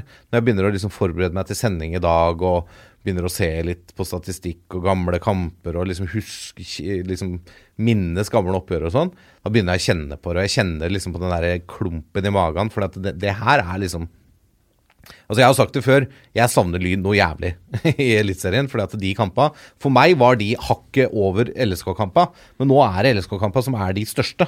Fordi Lyn er borte. Eh, For det var noe med by-derby, liksom. Ja, så var det vel Det var vel vest mot øst òg, og to Ja. arbeiderklasse mot uh, Det var det, var det, var veldig, det var veldig enkelt å definere forskjellene på Lyn og Vålinga. Og så blei det jo en greie med det spøkelset som vi aldri klarte å få has på, da, ikke sant? Mm. I den siste kampen før Lyn rykka ned og blei borte, liksom. Ja. Så det var, det Den var kampen gjaldt ikke, ass. Sorry. ass. Gjaldt for oss. Den skal vi leve godt på. Men, uh, men det er noe helt spesielt. Du kjenner det litt ekstra. Det er noen kamper i året. Det er de kampene mot Lillestrøm, for min del også for så vidt uh, mot uh, Rosenborg. Eh, Jeg har ikke jeg har ikke veldig eh, høye tanker om Rosenborg. Eh, Da kjenner jeg litt ekstra på det, liksom. Men uh, Lillestrøm-kampen, den er meget spesiell, og det eh, Jeg er glad jeg har planer på lørdag før kamp, for å si det sånn. Eh, Hvis ikke så hadde jeg vært umulig å være i huset med. Men La oss mimre litt tilbake. da Hva er deres eh, beste og verste minne da fra, fra derbyene? La oss begynne med deg, Trym.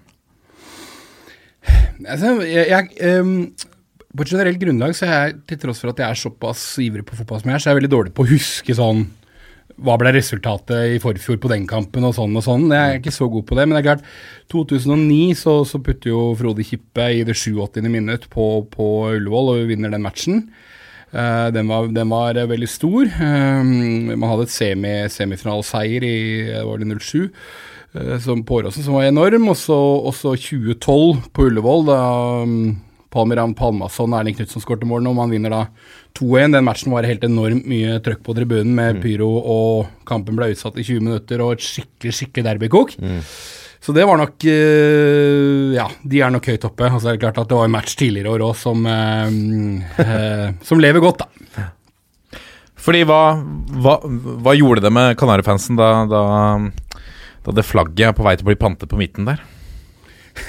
Nei, men altså, det, det rare er jo at eh, der og da så tror jeg liksom alle uh, Fugla-fans på en måte uansett bare var såpass euforiske at jeg tror ikke så mange tenkte så mye på det der og da. Men når man ser det i sånn Når man får analysert det litt, så skjønner man jo hvorfor det var en helt enormt eh, stor provokasjon mot eh, de Vålerenga-supporterne som fremdeles var inne på stadion, da. Eh, når det er sagt, så Det her er Jeg tror vi snakka om det før vi gikk på i dag, at det her er liksom et av Europas jevneste derby. Du hadde talla på det sånn delvis, hadde du ikke Det er vel, uh, hvis jeg husker rett nå, uh, og regner rett, det er et spilt 85 offisielle derbyer. 30 Lillestrøm-seire, 24 uavgjort og 29 Vålerenga-seire. Målforskjell 100-101 i favør Vålerenga. Det er jo helt sykt, og det, det betyr altså, altså, ja, Det er jo det er helt Altså, du, kan, du kan nesten ikke skille de statistisk. Da. Nesten litt underkommunisert hvor jevnt det der Ja, det er. er Og derfor, da, så, så når man da vinner 3-0, og i den matchen var man Da var jo Vålerenga gode, Lillestrøm dårlig eh, opp mot kampen, så man var veldig Man var større underdog som man pleier å være. Mm. Eh, så det er jo ikke det at det, det flagget hadde jo ikke blitt planta hvis man hadde vunnet jevnt 2-1. Det var jo fordi man hadde vært der og dominert. Ja, ja. Um, Men det viser jo igjen da at de kampene her, form, tabellposisjon, alt sånn, bare hive ut vinduet. Mm. Ja, ja. Har ingenting å si. nei, For mange vil jo si også at den kampen der, det tap mot, uh, mot Lillestrøm som kom i Vålerengas gode periode, var også starten på nedturen. Ja, men Vålerenga slo jo tilbake og slo Haugesund 4-1 borte og Bodø-Glimt 6-0 hjemme, da. Etter den kampen. Ja, men det var et lite varsko om at Ja, det kunne kanskje være det, men samtidig så er de kampene så spesielle. De lever sitt eget liv.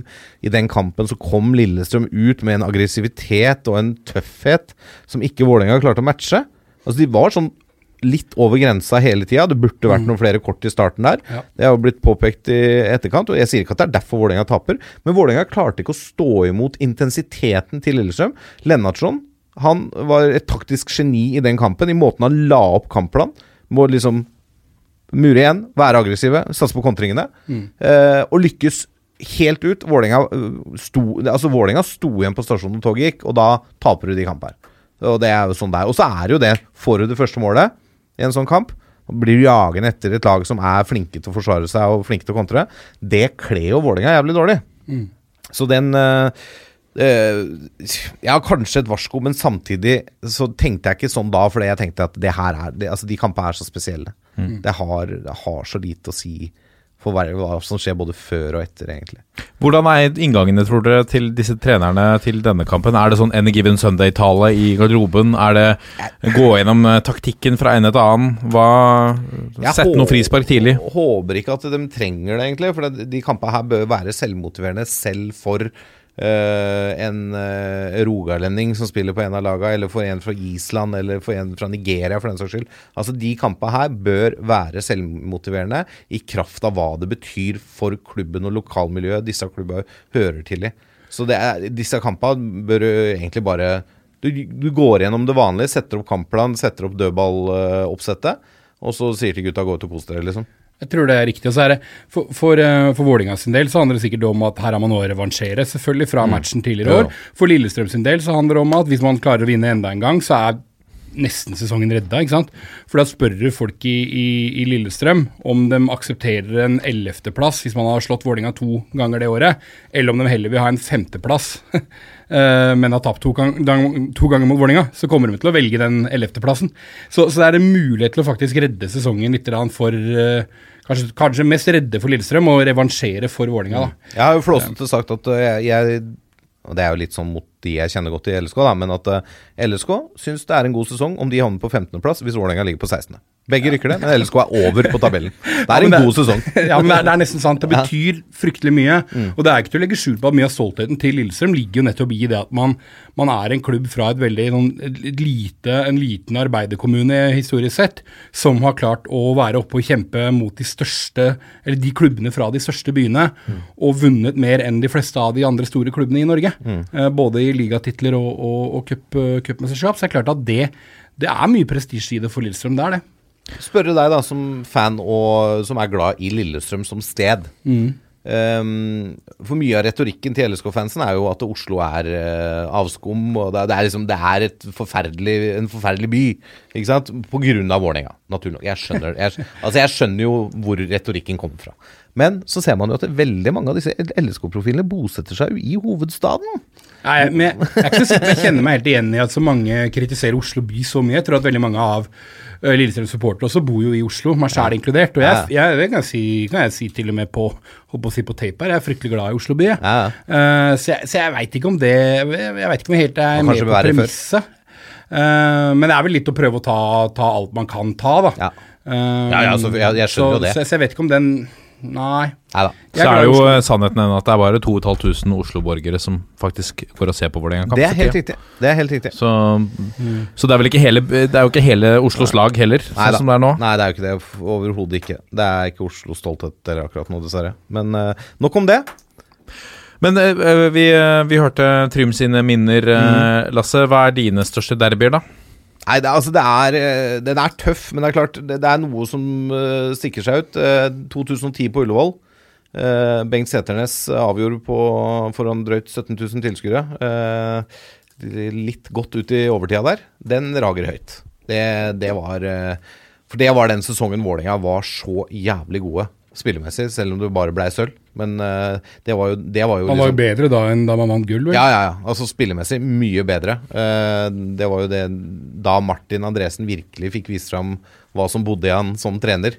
Etter han hadde lagt opp som spiller. Uh, den, den kampen husker jeg veldig godt. Den, den, det var stort. Det var enorm stemning. Og så er det vanskelig for en Vålerenga-supporter å komme unna vårt Åråsen. Altså perioden fra 2007 til 2013, da Vålerenga ikke tapte på Åråsen. Seks av sju kamper endte med seier. Eh, og da er det jo sånn 0-3 bort i 2008. Den eh, var jo gøy, da Moa skåra sine to første eliteseriemål og Martin Andresen eh, satte en straffe til 3-0 der. Og eh, 2010 var også en morsom kamp. Eh, og selvfølgelig husker jeg også cupkampen i 2003. Det er bedre at de skårer enn at du bommer. Altså da Det var straffekonk eh, som ble vel satt 11, eller skutt elleve straffer. Og Vålerenga hadde en spiller utvist. Så da, nei, LSK hadde en spiller utvist, så da kunne Reka skyte to ganger istedenfor eh, Erik Panslagen. så det, det er jo selvfølgelig det, altså det, det er jo kamper man eh, kommer til å huske. Det, det er klart. Hva slags forhold har dere til Mamadou Diallo, da?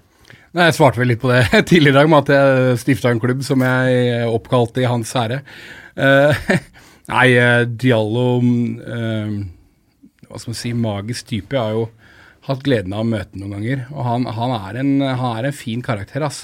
Jeg tror oppriktig at den gangen i 1998, var det det? Ja, jeg lurer på det. Eller var det 99? Samme det. Eh, hvor Vålinga antakeligvis hadde rykka ned hvis ikke Lillestrøm hadde lånt ut Diallo til, til Vålinga. Det er jo en helt spinnvill historie. Jeg tror oppriktig at Diallo feira med LSK-fansen i beste mening, slik han alltid har forklart. Ja, ja. At han trodde at uh, Fugla-fansen skulle være glad på hans, egen, på hans vegne, siden han hadde et såpass god, godt forhold til, Ja, ja. til dem. Eh, en herlig Feire med sine venner, på en måte? Ja, ja. Dette undervurderer meg. Det er, helt, altså, det er jo helt nydelig. Altså, det, altså, den, den situasjonen er så deilig. Og det er altså Ikke bare fra et Vålerenga-perspektiv, men fra et fotballperspektiv. Og det er igjen, da, brobyggeren fotball. Altså, Mamadou Diallo var helt oppriktig på at han trodde dette var bra. Ja. Han, altså, han Sannsynligvis da ikke forstått helt den gnisningen som ligger mellom LSK og Vålerenga i kampsituasjonen. da. For det er klart at nå- Rett før og rett etter kamp og under kamp, så er det Da er det hat. Og sånn skal det Og, være. og dette var jo før sosiale medier, så han har antagelig heller ikke fått noe særlig hat for å gå fra Lillestrøm til Vålerenga heller, Nei, som han ville fått i dag. Ha, hatet den gangen tror jeg var veldig retta mot LSK sitt styre og, og de som var ansvarlige. Mm. For det var et helvetes kok på at man hadde lånt ut Diallo, og spesielt at man hadde lånt ut Diallo til Vålinga. Mm, Desperasjon. Han av det leste meg litt opp på den saken. Han hadde to millioner kroner i lønn eller noe sånt. Og det, var, det var for mye for de å bære. Så solgte de han etter hvert. Ja, det var en spesiell tid, fordi at for det første så da som nå, og som alltid nesten, så sleit man selvfølgelig med økonomien. Men uh, hvis ikke jeg husker feil, så var det vel også Hvis det var 99, så hadde jo Emil Baron ankommet. Og på denne tida sånn, så var det jo en regel i norsk fotball. Utlendingskvote. Ja, ja som, som i praksis bare straffa afrikanske spillere. Som jeg vil Altså Når vi sitter og prater om det her er nå. Ja, for man, hadde, man hadde lov til å ha én spiller som ikke var fra Europa, da, egentlig, i praksis. Eh, og den gangen så var det jo ikke aktuelt å hente spillere til Eliteserien, noe særlig fra, fra amerikanske kontinentet, Sør-Amerika, Asia. Så var jo i praksis en regel som, som kun straffa afrikanske spillere. Hvor man kunne si at du kan ta 20 svensker, men du får maks lov til å ha én afrikaner. Fryktelig, fryktelig spesielt når man tenker tilbake på det. Veldig. Merkelig. Um, så, så det var vel noen, det var flere faktorer der, tror jeg. Så ble han solgt etter hvert da til Tampa Bay Mutini etter, Ja, uh, for to millioner kroner eller noe sånt. nå. Mutini. Ja. Mamadou Diallo. Før det, året før det skal jo sies, så skåra han jo hat trick i, eh, på Bislett. Skåra vel- skåra han ikke fire? Han fire. fire. Fire. Ja. Så han har markert seg på begge sider. Det er nettopp det han har, og det er jo derfor en del spøkefullt nå bruker dette derby de la Diallo-uttrykket. En herlig spiller, da. Ja, ja. Altså, de- Absolutt. for en spiller. Hvilke spillere har dere noen spillere som står øverst på hatlista, da? Til eh, Altså, dere er jo, dere er jo sympatiske menn, eh, i hvert fall før eh, klokka fire på lørdag. Ja. Eh, Har dere noen eh, som dere misliker mer enn andre? Eh, vi kan begynne med deg, Trym. Altså, sånn Historisk sett, så på en måte så har jeg lyst til å si brødrene Abdelaue. Eh, nå kjenner jeg Moa, han er verdens hyggeligste fyr, så det er litt vanskelig å si det. Men det er klart, de to gutta var jo allergiske mot å ikke score mot LSK. Altså, de gjorde jo ikke annet. Eh, hvis Moss eller Moa nyser, så renner en ball inn i nettet til LSK. Det er helt spinnvilt. Altså, Moa er jo comeback på lørdag, altså. Ja, ja, men ikke sant, og, og da hadde jeg liksom Ja, nei, det, så, så den er tung. Uh, det de to gutta der sånn, men det er klart at uh, jeg syns Bård Finne er helt ufattelig kjedelig av nåværende spillere. Både sånn personlighet og utseendemessig, så han, han kan jeg nok nesten Ut, kjedelig utseende. ja, Rett og slett litt sånn minner meg om han er enig i, i Frasier-serien. Uh, så han, han er ikke så Han er ikke så Det fan din av. tur snart, Lasse. Ja. Ja. Og så er det klart at uh, ingen, antageligvis inklusiv hans egne foreldre, kunne være glad i Tobias Gran. Så det er vel kanskje de, eh, de, de jeg må nevne. Ja. Hva har du å kontra med? Du er kanskje en av dagens spillere? Ja, altså jeg, jeg, går, jeg går litt i nyere tid. Jeg kunne jo selvfølgelig sagt, sagt eh, Alexander Megalvis Mel, Megalvis? Melgalvis. Melgalvis, Mel Galvis, ja. Eh, men han er for harry. Toppfotballvenn, han. Er toppfotballvenn, men han er for harry. Sorry. Så det blir jo selvfølgelig vanskelig å komme utenom eh, dagens eh, store snakkis på Åråsen, Frode Kippe. Eh, måten han prøvde å sterilisere Daniel Fredheim Holm på på Ullevål. Eh, stygge albuer, lass med stygge taklinger og nedskallinger. Sene skåringer. Eh, men så er det jo liksom litt det da, at det ligger en god dose respekt i det her. altså for Han er jo en bauta i LSK. Han er en klubbspiller, han er en profil. Han har vært tro mot LSK, bortsett fra det lille stuntet borti England. Så det er jo liksom sånne spillere jeg savner i Vålerenga. Profiler som er lojale til beinet, som alltid hever seg tre hakk i derbyet.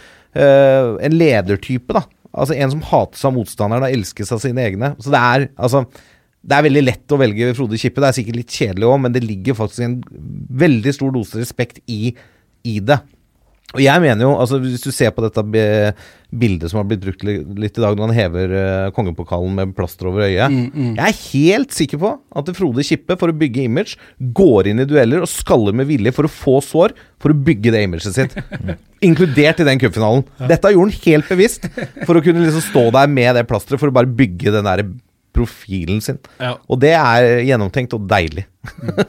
Så jeg vet at av de mest legendariske øyeblikkene må vel også kunne sies, det var vel kanskje for to år siden. Da han uh, går inn på toalettet der på Intility Det jo og holder på å skremme livet av en kameramann som for At han låser seg inn etter Bård Finnes litt sene skåring der. Ja. Etter Den- at Baffy ikke har sentra ballen. Ja. Det var en spinnvill avslutning på den matchen. ja, det var helt vilt. Herregud. Ja. Det er vanskelig. Som, som, som Fuglamann så er det nesten umulig å, å, å se for seg et LSK uten Frode Kippe. Nå blir han jo værende i klubben, selvfølgelig. Det, noe annet tror jeg liksom hadde skapt uh, lynsjemobbstemning i Storgata i Lillestrøm. Men, men uh, et, et LSK uten Frode Kippe er veldig rart å se for seg, faktisk. Så um, Det er morsomt du melder Bård Finne, da. For det Altså Martin har jo et spørsmål her han har hoppa glatt over, som jeg likevel eh, henter opp igjen. Eh, liksom eh, Hvilke spillere har vært store Derby-spillere? Ja. Det hadde jo vært gøy å vise, melde Bård Finne, for han har jo vist seg som en skikkelig god gutt med den skåringa på Intility, DAS-skåringa, og frisparket på Åråsen samme eh, sesong. Eh, men eh, det er jo også vanskelig å komme unna, unna Moa. Fun fact der er jo at Moa skåra både sin første og siste eliteserieskåring mot nettopp Lillestrøm. Så- han skåra sek, seks mål på sju derbyer.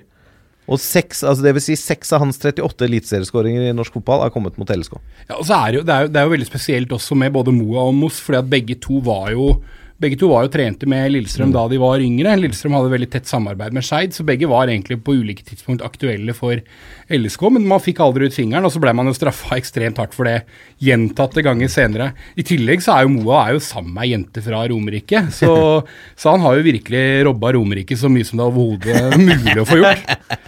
Ja, deilig fyr, ass. Har, har vi noen sånne kampen i kampen? Altså Vi hører kommentatorer snakke om det. Kampen i kampen er jo ofte mellom en stopper eller spiss. Har vi noen eh, altså eh, Matte Williamson, Frode Kippe. Er det noen andre åpenbare sånne dueller? Nei, nei, nei, nei. Han gjør ikke det. Nei, han gjør ikke det. Eh, Jonas Tam og Tobias Salkvist er stoppeparet til LSK, det er ikke noe å lure på. Eh, så det er, det er ikke noe Selv i denne kampen, altså. Ja, ja, selv i denne Kippe matchen. får de siste ti. Uansett om de trenger skåring eller om de må mure. Ja, men det spørs. Det spørs. Eh, han kan få noen minutter, men jeg tror ikke nødvendigvis det blir så mye. Men det handler litt om kampbildet. Ja. LSK har slitt med å få satt et stoppepar i år, og nå, nå begynner Salkvist og Tam å se veldig bra ut sammen, fordi de komplementerer hverandre veldig godt. Eh, så det blir de to, altså. Det gjør det. Nei, det, det jeg er spent på i den kampen her, er kanskje ikke spiller mot spiller, men det er liksom hvordan Vålerenga-forsvaret takler uh, LSK-kontringer. Altså Vi vet jo at Helene Olsen uh, ligger i offside, eller lukter på offside hele tiden, og har forholdsvis godt tempo. I hvert fall bedre tempo enn midtstopperparet til Vålerenga har per i dag. Uh, så det er jo en sånn kamp i kampen som jeg frykter, da. Mm. hvordan klarer Vålerenga å håndtere de, den, eh, den fa det faremomentet? Og så får vi se om Arnold Smarason er klar, for da kan man jo kanskje si at Abu mot Smarason um, kan være en kamp i kampen. Uh, men det er begge to spillere som det føles hadde en vanvittig bra høstsesong i fjor, og som begge egentlig har skuffa litt i år. Klart Smarason har det vært mye skader, jeg, ikke, jeg har ikke så god oversikt over hva det har vært med Abu, men, men uh, forhåpentligvis blir Smarason spilleklar, og da har man en, kanskje en duell i duellen, eller duell i kampen, eller hva dere kaller det der. Hvis dere måtte velge én spiller da fra, fra motstanderen, hva, hva ville, hvem ville dere plukka ut? Nei, Jeg, jeg ville plukka ut uh, Arnold Smarason uh, anno høsten 2018, da. For da, da var han god, ekstremgod. Altså, da hadde han uh, løfta ethvert lag i Eliteserien. Mm. Uh, akkurat i, per i dag det er ikke så veldig mange jeg liksom tenker sånn Å, fy faen, han skulle jeg ønske var i Vålerenga. Sjalkvist og Tam, med det stopper på Jo da, med men, respekt. jo da, med all respekt, jeg, jeg, jeg er helt enig i det. Er det altså. med all respekt, egentlig? Nei, egentlig ikke det. Men, uh, Kanskje det var lada. ja, nei, nei, men jo da, jeg, jeg, jeg ser den, altså. Men uh, Ja, nei. uh, men samtidig, jeg, jeg liker jo toppfotballvenn Smarre og sånn. Jeg. Vi har hatt, hatt ham på besøk. Jeg liker måten Fordi det er en del av spillet. Måten eh, han og agenten spiller opp uh, Vålerenga som en aktuell klubb for å dra ut mer penger av LSK. For å få en feitere lønn i LSK. Var aldri aktuelt å gå, selvfølgelig. Han klarte å skvise ut noen ekstra 100 000 fra LSK der. Jeg må jo like det. Selv om jeg elsker jo altså Jeg tror aldri jeg har ledd så godt som da Ronny Deila sto der før sesongen og sa det at uh, Smarason valgte LSK pga. lønninga. Altså det, det, si, det er som å si at noen eh, valgte Brann foran Mallorca pga. det fine været i Bergen. Altså det er liksom Det er sånn det faller på sin egen urimelighet. da. Uh, men det er klart Smarason forhåpentligvis blir klar, og, og da er han ekstremt viktig. Um, for min del, om det er noen Vålerenga-spillere jeg ville hatt altså Det er sånn, det skal man egentlig ikke svare på. Men jeg kan si det at uh, når det gjelder han Osman, uh, Osman Kamara Ja. Jeg var og så Eskilstuna i Allsvenskan tidligere i år. Jeg, jeg, jeg, forstår ikke helt hvorfor han ikke, sånn som mot Stabæk sist, når Vålerenga sliter, hvorfor ikke han får litt spilletid. Han er spennende ung spiller som kan spille på begge kantene. eh, som, som skulle erstatte Juko. Ja, selvfølgelig kunne ikke gå inn og gjøre den jobben umiddelbart, men han har nå tross alt 50 matcher for Eskilstuna og 11 målpoeng. Så jeg syns det er veldig rart, jeg synes det er rart av Vålerenga å ikke ha gitt han litt mer sjanser nå som de har slitt i det siste. Nå kan hende han får sjansen nå, da. For det, nå er jo Aron Dønnum, som vel har vært Vålerengas beste spiller i denne tunge perioden, er ute med karantene. da. Det er jo alt, alltid sånn med Vålerenga, at de får en karantene før disse storkampene. Mens Lillestrøm-gutta de snakker seg ut av karantene før kamp fordi at de går og tenker på Vålerenga-kampen før en livsviktig kamp mot Godset. Ja, det Det er helt nydelig. Det er spesielt. Men det er klart at det, det, å dønne meg ute, det, det er jeg fryktelig fornøyd med. Nå, nå, risikerer jeg selvfølgelig å jinxe med både at Kamara putter og hva det måtte være. Men uh, for Dønnem for meg virker som en av de Vålerenga-spillere som, som det er litt mer guts og litt mer fight i. da. Og det tror jeg kanskje Lillestrøm per nå har flere spillere av i stallen enn det Vålerenga har. Så jeg tror det er en stor ufordel for Vålerenga mangler han, både fordi han har vært en av de beste spillerne i det siste, men også fordi at uh, man kanskje mister litt den punchen han kanskje kunne tatt med inn i, i matchen. da. Så det er jeg happy for. Hva blir eh, resultatet, da? Skal jeg begynne? Altså, det, det beste ville jo vært hvis jeg hadde Altså, Vi måtte nesten bare switcha, på en måte. Ja, jeg, jeg begynner. da. Jeg tror Lillesund vinner 1-0. Fordi de murer igjen defensivt og er gode. De setter opp bussen. De er gode på kontringer. Det veit de funker mot Vålerenga. Ref Intility på forsommeren. Eh, de kommer til å, som du påpeker, det er flere LSK-spillere som det virker som det betyr mer for enn eh, Vålerenga i dag. Eh, de kommer til å komme ut som ville bikkjer i duellene. eh, og kommer til å være akkurat så tøffe og stygge som må til for å få Vålerenga litt ut av balanse. Så skårer de på en kontring eller dødball. Sannsynligvis Kippe da, på overtid der. Kommer inn tre minutter før slutt og skaller inn en skåring. Nei, men altså, altså Vi snakker om to lag som samla sett har tapt 17 Eller ikke, ikke vunnet på 17 uh, serie, seriekamper. Vålerenga 11, LSK 6. Det er to lag i forferdelig dårlig forfatning. Forferdelig dårlig form, som ikke klarer å presse ut en seier. Eh, så det er jo en helt åpen kamp. Eh, i, på forsommeren så var Vålerenga store favoritter pga. det de hadde prestert i forkant, og det Lillestrøm ikke hadde prestert i forkant. Eh, men igjen, altså disse kampene lever sitt eget liv. Det kommer den kampen her til å gjøre òg. Det er ikke sikkert at det, de elleve kampene har en dritt å si når vi kommer til lørdag. Eh, men jeg frykter, og det er ikke sånn jinxefrykten i meg som sier det her, liksom, uh, forsøket på det, men jeg frykter at Lillestrøm blir for sterke i duellspillet og for tøffe med Vålerenga-spillerne til at Vålerenga klarer å på en måte uh, være gode nok. Men det er klart, hvis plutselig Bård Finne finner tilbake til frisparkfoten, eller hvis Matti Williamson plutselig viser seg som den spilleren vi trodde vi henta fra Rosenborg, og som han viste pro på i, i vår, så kan jo selvfølgelig Vålerenga vinne den kampen der. Det er ikke noe tvil om det. Men jeg tror dessverre at Lillestrøm blir hakket for sterke. Eller jeg tror vel strengt tatt på at det ender uavgjort, men øh, Jo, nei, men helt seriøst. Jeg, jeg, jeg, jeg tror det, det, det lukter litt uavgjort her, da. Men om jeg må velge en seier her, så tror jeg det blir en knepen seier til Lillesund. Hva med deg, Trym? Jeg tror Vålinga vinner kanskje 3-4-1. Jeg Oi, tror, tror vi er der. Lillestrøm, Lillestrøm sliter Jeg tror veldig ikke noe på deg, vet du. Nei, men, altså, nei, men her er greia. Du kunne, om Lillestrøm hadde leda serien med ti poeng, og Vålinga hadde hatt altså alle spillerne sine suspendert eller skada, så hadde jeg fortsatt ikke klart å tro på det. For jeg er ikke rasjonell her i det hele tatt. Det sa jeg vel innledningsvis i dag òg. jeg var og så Vålerenga-Stabæk eh, sist. De første 30 minutta av den kampen der er noe av det dårligste jeg har sett av et norsk eliteserielag. Det Vålinga uh, presterte mot Stabæk i den kampen på Point Tilty. Uh, så jeg er egentlig litt lei for at den kampen kom, for jeg tror at det blir litt sånn samling i bånn for Vålinga. At de nå de kan ikke gå ut og gjøre det samme igjen. Hadde de kommet med den planen og det mannskapet, med Sjala på benken og Vega i startoppstillinga, da hadde jeg faktisk kanskje Da hadde jeg fortsatt ikke da hadde jeg fortsatt sagt at jeg trodde det ble tap, men, men, da, men da hadde jeg trodd det ble øh, at, at, at Lillestrøm kunne ha vunnet. Så nei, jeg, jeg, jeg tror øh, Jeg tror at Lillestrøm øh, kanskje, kanskje kan bli for mye overtenning. og det er en del defensive problemer i det LSK-laget fremdeles. Så jeg tror at det kan renne inn bakover. Denne samlingen i bunnen har vi vel sett nå de siste Elleve kampene. Har funka bra, det. Se seg i speilet Se og seg i speilet, samling i bunnen, snu alle steiner. Det har funka som fjell. Det blir spennende i hvert fall lørdag klokka 16.00 sparkes det i gang på Åråsen gress. Uh, og nå er det faktisk gress, uh, og banen er uh, såpass brukbar at til og med landslaget har trent her når det har vært uh, landslagshelg. LSK fikk jo en del fortjent kritikk tidlig i sesongen fordi at banen var dårlig, men det er jo, det er jo historieløst, da, for det er jo en av de beste gressbanene i Skandinavia hvis du ser det over et 20-årsperspektiv.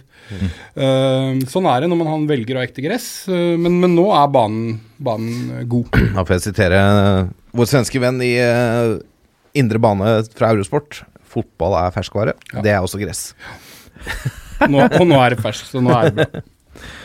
Vi går videre, da, til eh, For det er et annet, det er en ordentlig derbyhelg. Rosenborg spiller også mot Molde. Dette er et oppgjør som, det, uh, har, som har også et uh, historisk sus over seg. Eh, de har begynt å fyre opp der også. Eh, jeg ser både Erling Moe og Stigen Bjørnby er ute og slenger litt med, med leppa. Eh, hva tenker du om, om den matchen der? Er det altså med en eh, Rosenborg uten eh, mulighet til å Mest sannsynlig til å ta, ta gullet, selvfølgelig. Og Molde med en seier her. Altså Er vi på vei mot et sånn midlertidig hegemoniskifte? Ja, det er vi. Altså, det, nå er Molde klubben å slå i norsk fotball. De kommer til å ta seriegull i år. Uh, se, selv om de skulle tape på Lerkendal uh, på søndag klokka åtte, så er Molde på en måte årets lag, sånn sett. De kommer til å vinne serien, og de ser sterkere ut enn Rosenborg eh, i spillestall. Eh, de ser ut som de har et system som funker bedre enn det Horneland og Bjørneby klarer å få til eh, på Lerkendal akkurat nå. Det virker som eh, disse Rosenborg-spillerne er litt mette, sånn totalt sett. Det er mange spillere som begynner å nærme seg slutten av karrieren, som er på utgående kontrakter. Eh, jeg tror Rosenborg trenger litt fornyelse eh, for å på en måte ta tilbake eh, den, eh, det hegemoniet. Og i verste fall nå så kan Rosenborg ende uten Europacup neste år. Det er krise. Altså, det, det, altså For Rosenborg så er det kjempekrise. Havner de på fjerdeplassen de er nå, så må Odd vinne serien. Nei, eh, cupen. For at Rosenborg skal karre seg inn i kvalik. Og det kan ikke stole på det, ikke sant? selv om Odd har sett bra ut i år. Så, men kampen isolert sett er jo igjen helt åpen. Altså, Rosenborg kan godt finne på å vinne den kampen 3-0. Og rundspille Molde. Selv om de ikke har vunnet på tre kamper, og Molde vel ikke har tapt på 14, så kan Rosenborg finne på å vinne den kampen der. For det er, den, den betyr litt ekstra å slå Molde, og det gjør litt ekstra godt å slå Molde. Og de vil ikke se at Molde feirer utpå der og nesten kan feire seriegull. Hvis Molde vinner, så er det jo da er det nesten eh, bare sånn helt syk teori som eh, skal ta fra de gullet, og det skjer jo ikke. Det skjer jo ikke med tap heller. Men eh, nei, dette er jo også en, dette er en rysere, det òg, altså. Men er, er ikke det en slags fordel Molde at eh, de har nesten ikke noe press på den matchen her, de? For at uansett, de, de har vunnet gullet nå. altså Bare la oss være ærlige. Eh, det her, det her uh, Dette forsvinner ikke for dem.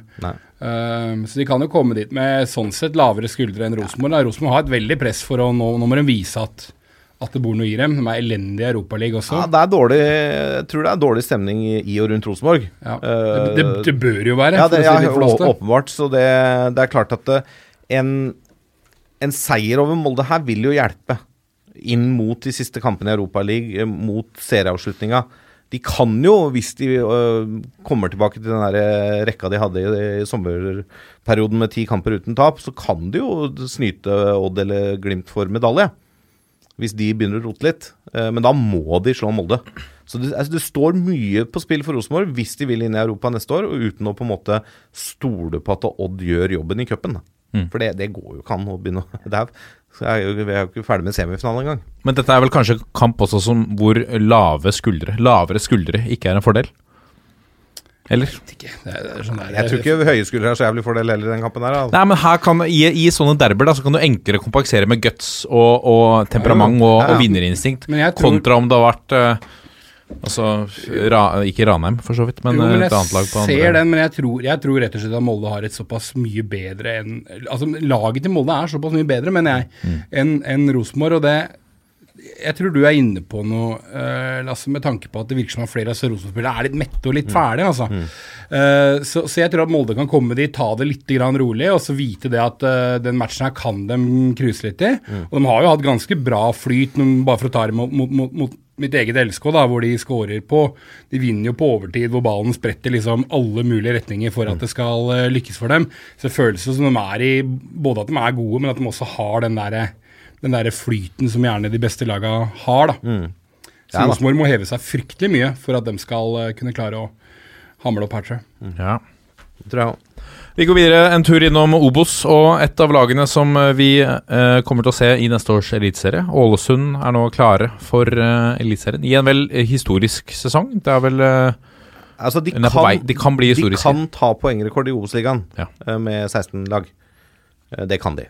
Eh, Men da må de gjøre jobben de siste tre kampene. Men de sikrer også opprykket og seriemesterskapet i Obos tre runder før slutt. Etter en litt sånn sliteseier 1-0 borte mot Tromsdalen på Alfheim foran 50 tilskuere. Mm. Det er litt, eh, litt trist måte å gjøre det på, men jeg tror de klarte å feire fra seg. Så i hvert fall sånn ut på TV eh, og, i sosiale medier. Men altså, det er jo Ålesund har vært det beste laget i Obos i hele år. De har tapt én kamp, vel. De har en solid stamme i laget. De har en eh, smart trener som er litt utradisjonell norsk fotballmessig, med sin sånn 3-5-2-3-4-3-variant, da. eh, Som da eh, funker. Han har fått det til. Han har fått de riktige spilletypene. Han har fått løfta opp noen spillere som har gjort det, sånn som Castro, da, som var i Vålerenga og så Kongsvinger, og så gikk til Ålesund. Starta jo sesongen skada, men er toppskårer. Eh, de har en del lokale spillere som dette betyr mye for. Jeg, altså, jeg bare føler miksen i Ålesund er så riktig akkurat nå, med liksom både trenerteam, spillerstall. Eh, og Ålesund vet vi jo er en by som kan engasjeres. Hvis fotballaget gjør det bra, det så vi jo da Ålesund flytta til Color Line fra Kråmyra. Eh, klarer Bohin og gjengen å få liksom dette maskineriet til å rulle litt neste år? Og de burde jo nesten vært i semifinalen i cupen òg. Ble snytt for straffespark i ekstraomgangene mot Viking. Tapte på straffekonk. Etter at han derre midtstopperen som hadde faktisk bytta navn til Ståle Stålinjo, bommer på en straffe. Og da mener jeg altså, hvis du skal kalle deg Hvis du tar navnet i folkeregisteret Stålinjo, da skal du faen ikke bomme på en eneste straffe, altså. Nei, Jeg ville jo faktisk sagt at da fortjener du å bomme på alle ja, du, straffer du du fortjener, men du skal ikke. Nei, Noen, vi, vi må også jeg, jeg benytter enhver anledning til å minnes Kråmyra hver gang vi snakker om det. Der folk satt i skråninger og opp Der fikk du virkelig følelsen av at På hele byen kom. Ja. og, og samla seg. ja, islandske tilstander, egentlig. Ja, det var det. Ja, Virkelig. det er jo nydelig. Men uh, fullt fortjent at Ålesund uh, går opp. Og det Er Lars Bohinen trener for Ålesund i Eliteserien eh, 2020, da? er det da jeg skal si? Jeg håper ikke det, for jeg håper han trener Vålerenga. Ja, det var kanskje det jeg la opp til. Ja. Eh, i- men eh, ja, jeg tror han trener Ålesund i Eliteserien neste år. Ja. Jeg tror han har lyst nå. Han gikk jo faktisk da, da han gikk til Ålesund, så var jo Ålesund i Obos og Sandefjord fortsatt i Eliteserien. Han gikk fra en eliteserieklubb til en Obos-klubb fordi han hadde mer trua på eh, prosjektet i Ålesund. Jeg tror han har så lyst til å få det her ut i Eliteserien og holde seg i Eliteserien neste år at det skal mye til å dra han ut fra den trenerjobben. Da er det Nottingham Forest eller eh, noe jævlig store vyer eh, på Intility. Ja. Vi går videre. Eirik Bakke, Sogndal-treneren. Eh, det er ikke sikkert at de blir i å se Eliteserien i 2020. Uansett så er det ikke sikkert at Eirik Bakke kommer til å bli med på det, for han tror nå må si opp sin kontrakt etter, etter å ha signert en ny treårsavtale. For etter at det kom kun 1428 tilskuere på forrige hjemmekamp, så mener han at det brenner et blått lys, og at nå må sogndølinger skjerpe seg. Selv om eh, strengt tatt så var det vel 50% av bygda som var på, på kampen. Stiller han litt for høye krav, eh, vår gamle Leeds-venn? Ja, altså det er jo eh, Jeg vet ikke hvor smart det er da å på en måte gå ut mot de som ikke er der på den måten der. Eh, I en sånn situasjon som Sogndal er i. Eh, Jeg, jeg vet ikke hvor samlende det er. Samtidig forstår jeg jo Eirik Bakkes frustrasjon. fordi at Sogndal har vært kjent som en bygd som har stått sammen last og brast om dette laget. Altså Det har jo vært tidvis nesten hele bygda på stadion under kamp. ikke sant? Hadde du vært eh, kriminell i den byen, så hadde du bare vært å se på terminlista og så tusle en tur ut i byen når det er kamp. ikke sant? For det er jo ingen der, alle er jo på stadion. Eh, men, men jeg forstår frustrasjonen veldig godt når det på en måte du spiller om faktisk å uh, komme til en kvalikplass i Obos-ligaen. Det er viktige kamper som gjenstår, og så velger folk da heller å sitte inne og se Liverpool, eller United-Liverpool f.eks., som man brukte som eksempel.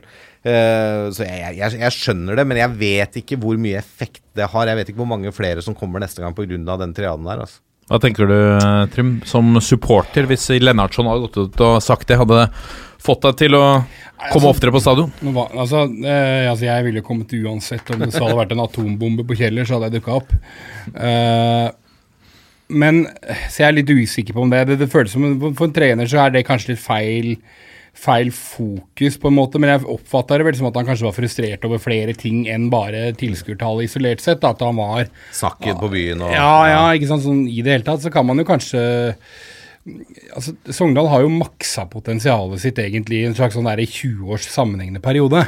Eh, så det er, det er kanskje ikke naturlig at det skulle fortsette i det evige heller. Um, så nei, men jeg, jeg er også enig, jeg er usikker på hvor mye det der egentlig drar folk tilbake på, eh, på match. Og så føler jeg vel kanskje at Sogndal har vel blitt en mer, og mer sånn studentby og sånt nå. Det er klart at er du liksom er du fra et helt annet sted, da, kanskje ikke så interessert i fotball heller, så, så er det kanskje ikke så naturlig å dra på Sogndal-kamper. Jeg Ja, ikke. selv om kampen er spiller på campus. Ja, ikke sant, nettopp. Kanskje, Nei, men, kanskje Sogndal skal Altså studentene i Sogndal skal lage en eh, sånn trønderversjon av Heia bortelaget? De som alltid gikk på Lerkendal med rosa T-skjorter og heide på bortelaget på Lerkendal. Fantastisk. Det er jo et nydelig konsept i Sogndal òg. Godt forslag. Godt forslag. Får det helt gratis her fra Toppfotball. Ikke sant? Nei, det blir spennende å se om han blir, da. Vi tror vel eh, kanskje at det var sakte lite affekt, dette fra godeste Bakke. Jeg regner med det. Uh, vi går videre til uh, toppserien, eh, som i 2020 kommer til å fremstå i ny drakt med sluttspill, som du er kjent med fra amerikansk idrett. eh. Trym, Uh, men, men mer komplisert enn de amerikanske versjonene, føles det som. ja, det kan i hvert fall virke sånn, for det nye forslaget er Altså, jeg skal prøve å sette det inn i det, så kan vi diskutere Ja, det i etterkant. snill. Ja, vær så snill, for det her trenger jeg hjelp på. Det er Altså, det som er bestemt, det skal være 18 runder ordinær serie med hjemme- og bortemøte for hvert lag. Eh, det er vi kjent med. Det klarer vi. Ja, det klarer vi. Deretter så følger det tre sluttspill, hvorav lag 1 til 4 møtes i dobbel serie, hjemme og borte, for å avgjøre hvem som vinner ligaen. Vinneren eh, får også den eh, ene av to plasser til Champions League. Mesterskapsligaen. Virka greit. Det er so far so good, vil Ja. jeg si. Deretter så har vi kvalifiseringsligaen, hvor lag 5 til 10 i toppserien møter eh, hverandre og lag 1 til 2 i førstedivisjon og spiller enkel serie. Altså ikke doble kamper. Ja. Vinneren av denne serien møter lag 2 i mesterskapsligaen. Altså eh, et av de fire beste lagene i, Ja. i toppserien. For å kjempe om den andre Champions League-plassen. Altså det som vi kan da som er veldig usannsynlig, men som er altså en mulighet, er at havner du på andreplass i førstedivisjon uh, i, i, uh, i kvinnefotballen, så, så kan du spille Champions League potensielt da, året etter. Ja, Umiddelbare tanker om eh, akkurat det? Dette, og dette er et oppsett de har diskutert opp og ned i mente Ja, er de sånn- siste tre årene. Ja, men Er dette noe sånn belgisk eller nederlandsk, et eller annet? eh, Det høres ut som en variant. Hypercube, et eller annet variant. Det, er jo, det, virker jo, det virker jo veldig Jeg syns det virker litt komplisert. Men jeg, jeg skjønner fremdeles ikke er det sånn da, sånn som det er i en del andre europeiske ligaer med eh, sluttspillsystem. Er det sånn at man tar med noen av poengene inn i den sluttspillserien, eller starter man på en måte scratch? Har vi skjønt altså, det? I Mesterskapsligaen kan man jo begynne å gjøre det, men i den kvalifiseringsligaen er det mulig. Ja, det, For det er liksom det første mindre man lag i første divisjon. Ja, Ja. Nei, jeg, jeg, jeg tror Og ikke det. Jeg, altså, um, med all respekt for, for kvinnefotballen og den fremmarsjen som det er, har hatt de siste årene, så er det jo fremdeles sånn at når det gjelder spesielt eh, eh, europeisk eh, kamper mellom de europe, altså, i europacupene for kvinner, så er det fremdeles fryktelig ujevnt. Man ser 10 10-0-resultatet på bortebane, og det er kjempeujevnt. Ja. Så jeg vet ikke om løsninga er å begynne å sende liksom, Om potensielt sende laget fra som har havna på andreplass i førstedivisjon til å møte Lyon borte. altså. Nei, det Jeg er ikke helt overbevist, men jeg tenker at det er, at det er veien å gå. Ja, jeg er helt enig. Men også sånn, sånn umiddelbart så tenker jeg at det her var jo jævlig rotete. Men samtidig, når jeg liksom får det litt under huden, så tenker jeg det er jo litt gøy òg. Altså, det er jo kjempe Det, det er jo underholdende Ja, på 1000. ja, det er det jeg tenker. Det blir spennende kamper her, vet du. Så er det kanskje det man har det på eh, tenkt på, at nå, nå tar vi denne serien, og så rører vi skikkelig i bøtta. Og så kommer vi opp med et eller annet spinnvilt som vil engasjere, for her er det jo Altså, kommer du på andreplass i førstedivisjon? Dette er eh, Altså Ja, men altså, sånn isolert sett, altså, Hvis du har litt grann is i magen, sånn som LSK kvinner, da, som har vært solide og vunnet seks år på rad, eller noe sånt, ikke sant? hvis de har litt is i magen, så kan de bare liksom cruise gjennom den der første vanlige ligaoppsettet og komme topp fire. Så går du inn i Mesterskapsligaen, og der dunker du til. Og så vinner du den, kommer til Champions League, blir ligamester. Igjen. Fint. Ikke sant? Så har du de andre laga rundt, da. Som kanskje liksom Ja, ok, nå Vi får en mulighet selv om vi ikke er topp to. Og så blir det kamper som betyr noe i Mesterskapsligaen, i Kvalifiseringsligaen. Uh, og liksom det, det, ja, Nei, det, jeg, jeg bare tenker at det, Men, men ja, det men blir betydningsfulle for kamper. og LSK kvinner, da, som, som har eh, altså, ligget eh, i mange år nå ganske langt foran de andre lagene, må vi kunne si over en hel sesong. Ja. De første 18 kampene er jo nesten helt betydningsløse. Altså, de Ja, kan jo altså, surfe de gjennom ja, altså, eh, sånn, som, sånn som det er nå. Eh, altså Styrkeforholdet mellom LSK kvinner og resten av norsk uh, toppfotball for kvinner, så er, vil jo LSK ta den plassen fra Mesterskapsligaen og ligatittelen. Det er bare, ikke sant? Så blir det for alle, alle de andre å røre i gryta og kjempe om den siste Champions League-plassen. Men det jeg mener, er at det blir mer betydningsfulle kamper for flere lag. ja. Ikke sant? Enn at det er ett lag som vinner, og to lag som kjemper om andreplassen og den siste kvalik Champions League-plassen. Det, det er mange lag som blir involvert i dette og kan kjempe om den skjære gulrota, altså. Eh, og, og så når du da får den derre Vinneren av kvalifiseringsligaen møter da andreplassen fra mesterskapsligaen til en finale om den siste Champions League-plassen. Den kampen, det er jo sånn cupfinale-vibber. Ja. Det er kanskje oppsiden. en- ja, Men jeg skjønner ikke hvorfor man skal dra inn førstevisjon her, i, i, Nei, det i dette mylderet. Nei, det er jeg for så vidt litt enig. Men det er vel litt for å skape litt mer engasjement. Rundt og, og litt mer eh, motivasjon for å gjøre det godt i førstevisjon, og satse, da. For da kommer du topp to i førstevisjon, så har du muligheten til å spille deg til en Champions League-kvalik og rykke opp. Ja. Så ja. Nei, det, det, det blir jo jævlig spennende. Ja, rett og slett. Nå har vi ikke tatt med den siste her, da, som er opprykksligaen. Som er lag 3-10 fra førstedivisjon, som spiller enkel serie. Uh, vinneren spiller mot lag 6 fra kval- kvalifiseringsligaen om den siste plassen i toppserien. Så, Så kan så, tiendeplasslaget i førstedivisjon kan også rykke opp? Kan rykke opp som eneste lag. Ja. Men, men hva Altså, lag 6 må da møte laget fra opprykksligaen. Det er uh, uh, riktig. Ja, for da er lag seks det, det dårligste laget i kvalifiseringsligaen, da. Ja, Ja, ok, det er Så det er ikke lag seks i toppserien? Nei, det er Det lag er bedre å komme på skudd. Det var fett. Ja, det er det. Det, Det var det var noen som foreslo det. Var, var det gutta i fotballklubben da, som foreslo det at uh, var sånn underveis i sesongen så bare Nei, nå gir vi Champions League-plassen til sjuendeplassen. Men det var litt sånn Intertoto-cupen var i gamle Ja, det var dager. Plutselig underveis så bare Å ja, det var færrest gule kort. Gratulerer, du har til Europa. var vanskelig å vite hva kriteriene var for å Nei, men eh, for all del, kjør på. Dette er toppfotball. Og så har vi fått inn en, eh, en bunke med lyttspørsmål. En del av disse tingene har vi adressert tidligere i denne sendingen, men vi skal plukke ut noen. La oss begynne med Vegard Nomerstad, som lurer på om vi kan håpe på et fullsatt Åråsen, Trym. Jeg lurer på om det var solgt 7000 et eller annet da vi gikk inn her i dag, og så er det vel plass til sånn 10,5-11. Uh, det som er vanskelig med å gjette det nå for tida, er at det har blitt så innmari lett å bare kjøpe billetten på sekundet. ikke sant? Det er jo bare å Det er ikke noe du lenger trenger å, Møte opp. å møte opp eller printe ut på forhånd eller noen ting, så det er litt vanskelig å si. Jeg tror ikke det blir utsolgt, men, men det kommer til å se fullt ut. Uh, og det blir nok ikke så langt unna. I fjor tror jeg det var 10,5 uh, på Åråsen, og på Intility tidligere år var det vel rett under 15, altså ganske tett mot kapasitet. da. Ja. Så jeg håper jo håper det blir fullt der oppe. Hvor mange kommer fra klanen? fyller vel sin, da, tenker jeg, under disse leilighetene. Det blir vel ganske fullt borti der. Jeg vet ikke om det blir smekkfullt, men jeg tror de, tror de selger ut de fleste billettene. Det som er interessant med årets derby, er jo at uh, det er litt tilbake til der hvor det var i, var i 2016 eller sånt, hvor 2012. Uh, hvor det var, det, nå betyr det ekstremt mye for de hardekjernene. Ekstremt mye. Men det er klart at begge lagene skuffer i serien, så kanskje for noen av de litt sånn eh, mm, Hva skal jeg kalle Vanlige dem? folk. Ja, ja, ikke sant? Middelsvensson-typene i Vålerenga og Lillestrøm er kanskje ikke, kanskje ikke så fyra opp som de hardeste miljøene. Nei. Vi går videre til spørsmål fra styrmann. Hvem har den blankeste, blankeste skallen av uh, Hogner og Venter Hvalstein? vi ikke det, så Altså- det er meg, det. Ja. Ja, det er det så absolutt. Ja, han har jo faktisk hår. Jeg begynner å, det, her begynner det å bli veldig tynt. Altså Håret mitt vokser sjøl, altså. Jeg, jeg klipper jo en gang i uka, omtrent. Ja. Uh, så jeg er sånn type. Så, men det hender en sjelden gang jeg liker å ha det helt, helt um, omtrent skalla. Ja. For på bildet vi brukte i promoen av episoden, så er du raka. Ja, det kan stemme. Ja, jeg klipper det jo kort fordi at det ikke er så mye der oppe, og jeg gidder ikke hente seg selv tupé. Nei. For det, det, det alternativet er jo ekstremt mye dårligere enn å kunne lage klappelyd på toppen av hodet.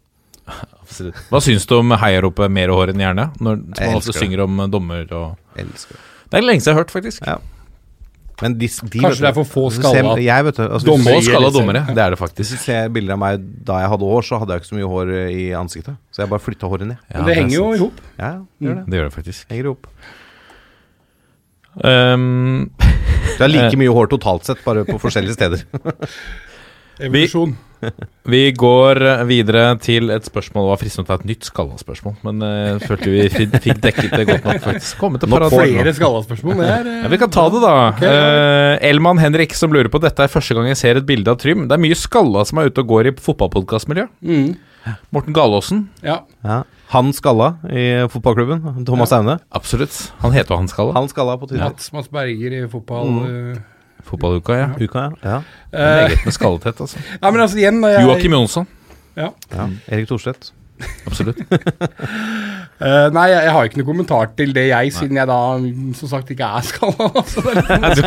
Ingen kommentar til det ser du det eneste bildet han som Ja. er offentlig, der er han skalla. Så Ja. alle tror han er skalla. Folk tror nå at du er skalla. ja, nei, men det, det, Det kan jeg, leve, det, jeg kan leve greit med det. Ja. Mm.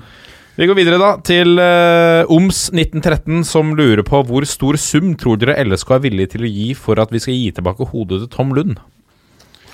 Altså Hvis de ønsker en god pris der, så burde man jo kanskje tilbudt det før stadion ble fiksa noen uker etter at den ble ødelagt. Så det er mulig de er litt seine på, på tilbudssida her. Fordi de, eh, det var da noen Vålerenga Det må vi anta var Vålerenga-supportere som skar Det er av lov å anta.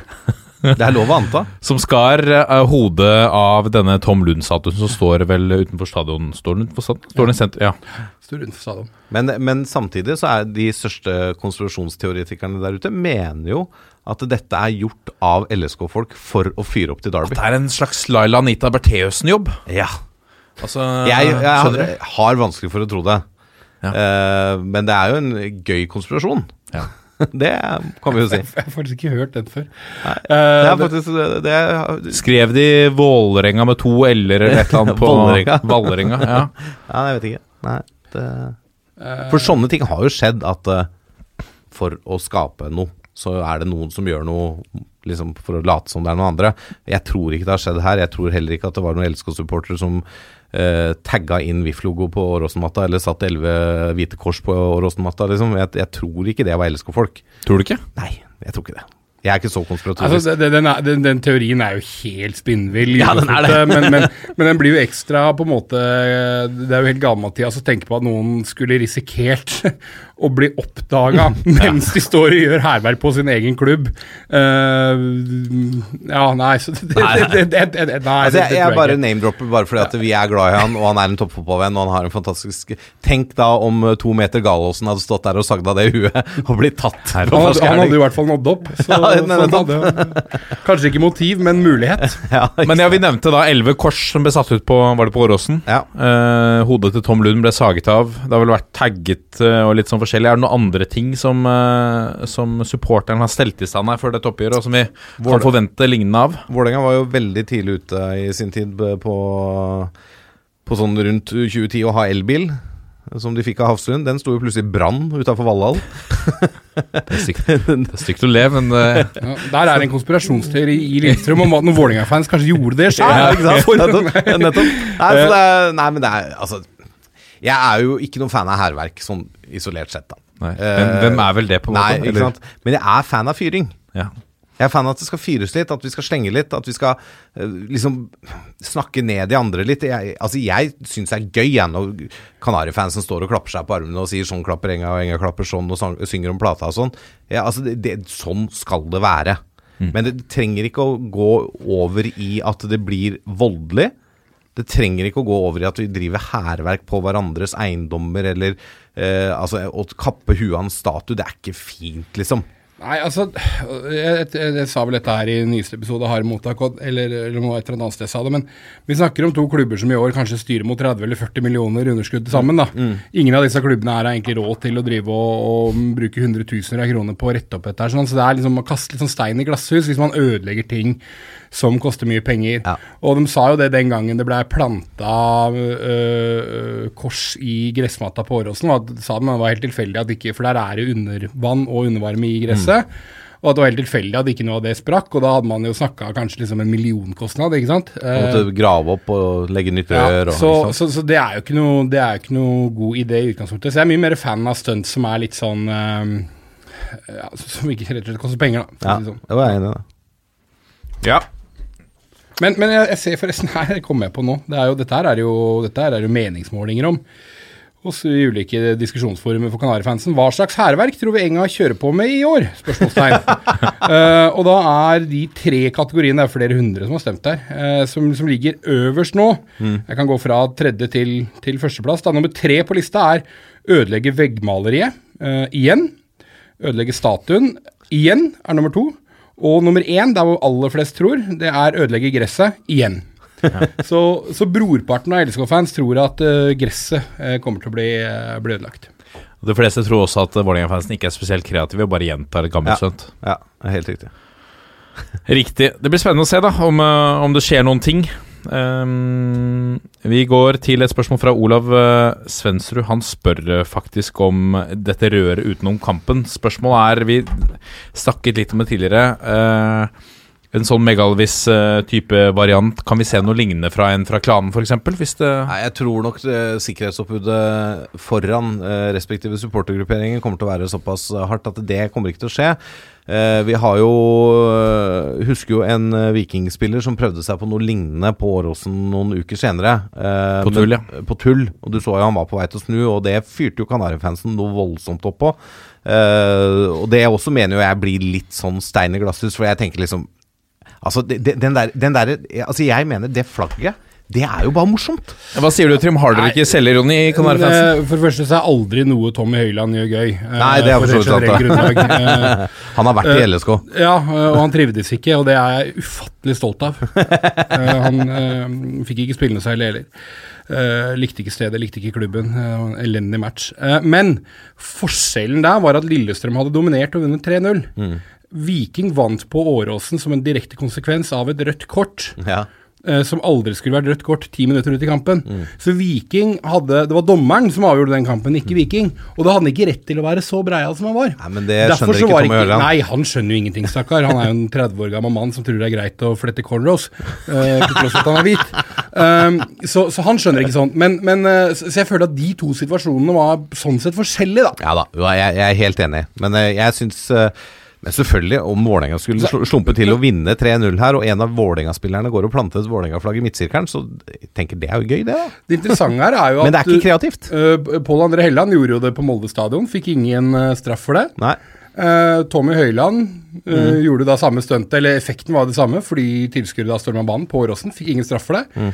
Mel Galvis fikk en straff fra forbundet, bot på 5000 kroner. Ja. Kanarifans sa det driter vi, vi tar den bota for den, og forbundet økte den til 7500. Ja. Det er jo veldig spesielt. Ja, det er helt latterlig. Altså, det er jo helt Tre eh, i praksis identiske situasjoner. Ja, det er det. det er, jeg syns det er helt tåpelig å gi bot for det. Altså, jeg skjønner at Og jeg syns det er helt tåpelig å begynne å storme banen. øh, altså, såpass må vi tåle, tenker jeg. Altså. Ja. Såpass må vi tåle. Og, og bare det at altså, Folk burde jo bare sett at hvor dust det er han som prøver å plante et flagg i en plastikkmatte. Det er umulig å sette noe fast der. Ikke sant? Vi burde heller stått og ledd da med, med Galvis. Ja. Jeg tror koket var litt for heftig til at Så sånn ut for et par av gutta som kom Ja, løpende. sånn ut at det kokte litt mye der, ja. Siste spørsmål. Vegard Bjørge, Bjørgå, eh, som lurer på Den er nok til deg, Lasse. Hvem på LSK som ikke har skåret på lenge, eller i hele tatt eh, skårer eh, mot eh, Vålerenga? Nei, det er jo var tre navn eh, da jeg så dette spørsmålet som uh, poppa opp i hjernen etter å ha sett litt eh, statistikk. Eh, da er det nevnte Frode Kippe, har ikke skåra siden 2017-sesongen. Det har heller ikke Erik Brenden. Og så Sheriff Sinjan. 2016 var sist han skåra. Så de ligger meget godt an med tanke på scoring på lørdag. ingen av dem kommer til å starte. egentlig. Nei, nei, men det, de kan fortsatt skåre. Ja. Det blir uh, Så han derre Løken på Ranheim som hadde spilt 17 minutter eliteseriefotball Løken på Ranheim. før uh, kampen på Intility. Kommer inn tre minutter seinere, så utligner han til 1-1. Ja, i debuten? Nei, ikke, nei, Nei, første skåringa. Første skåringa. Noensinne. Skåra med hofta eller noe sånt. Ja, det er- Men alle, alle, alle supportere føler jo at det her er noe deres klubb slipper til mer enn andre. Da. Men jeg har jo statistikk på det. ja, riktig. For jeg har sjekka Lillestrøm og Rosenborg og Molde og Brann og sånn. Ja. Opp, opp mot og, den og da er statistikken de som det er lengst siden har skåret? Nei, altså det for, for jeg veit at Lillestrøm Jeg vet at Lillestrøm på et tidspunkt ledet den statistikken Altså, jeg- nå, på debutanter er- som skårte mot dem. Ja, nå er det lenge siden jeg har oppdatert den, da, men det, det jeg så på, var uh, spillere som skåra for første gang i karrieren. Ja. Eh, Eks-spillere som scora mot klubb, og spillere som scora for første gang den sesongen. Og da telte jeg fra runde seks og ut, for det er liksom første gang i sesongen i runde én til fem. Ja, blir jo litt tåpelig. jeg, ja, Og da tror jeg det var sånn 33% av Vålerengas mål ble scora av én av de eh, faktorene, mens liksom de andre klubba lå på sånn 25 Okay, okay, Så ganske Ja, ok, eller, så- men, ja. ja, men på, på, på tidligere spillere så var Vålerenga på sånn Jeg tror faen meg de hadde et, eh, I de åra hadde de sluppet inn 12% av måla, og det var av tidligere spillere, mens de andre klubba lå på sånn 5-6% Det har jo en viss sammenheng også med at Vålinga kjøper, mye spillere, kjøper mye spillere fra Sverige, og så sender de alle talentene videre til andre klubber. Ja, også det er noe jeg selvfølgelig har litt å si. Ja. Mine herrer, dette, dette fikk litt temperatur eh, tidvis eh, underveis her. Mer enn jeg altså frykta. Jeg frykta dere skulle legge dere helt paddeflate begge to. Det gjorde dere ikke. Uh, men dere er jo evige pessimister, selvfølgelig. Uh, men jeg vet at det er god fyring i leiren hos begge to når uh, disse lagene møtes på lørdag klokka fire. Det er i det hele tatt en spennende eliteserierunde med også Rosenborg-Molde. Uh, Eliteserien er på sitt vakreste. Uh, Mjøndalen-Sarpsborg er en ganske spennende kamp uh, I bunnere, absolutt. til helga, det nå, altså. Uten tvil. Eliteserien er på sitt vakreste eh, akkurat nå. Eh, dette er en, eh, en skjebneuke for mange, kanskje. Mm. Vi er uh, toppfotball på Nei, jeg må jo takke deg for at du kom, Trym. Jo, jo, takk for at jeg fikk lov til å, til å uh, komme. Setter, setter jo pris på det, da. Og uh, følg, uh, følg Harde mottak. Mm, Følg oss på Instagram spesielt. Og abonner på podkasten. Veldig gjerne. Veldig. Ja, ja.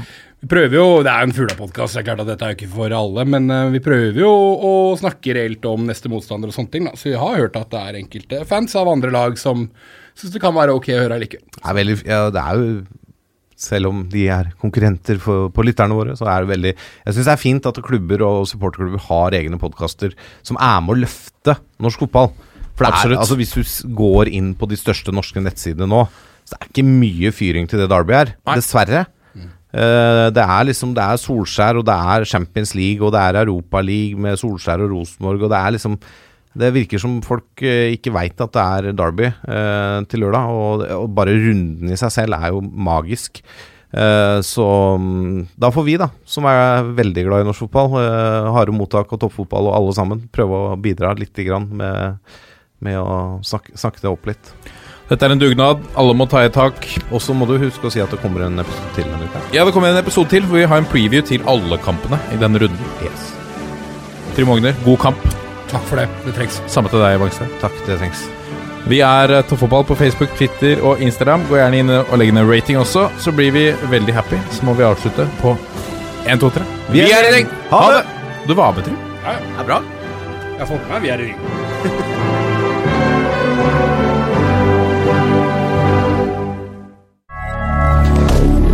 Moderne media.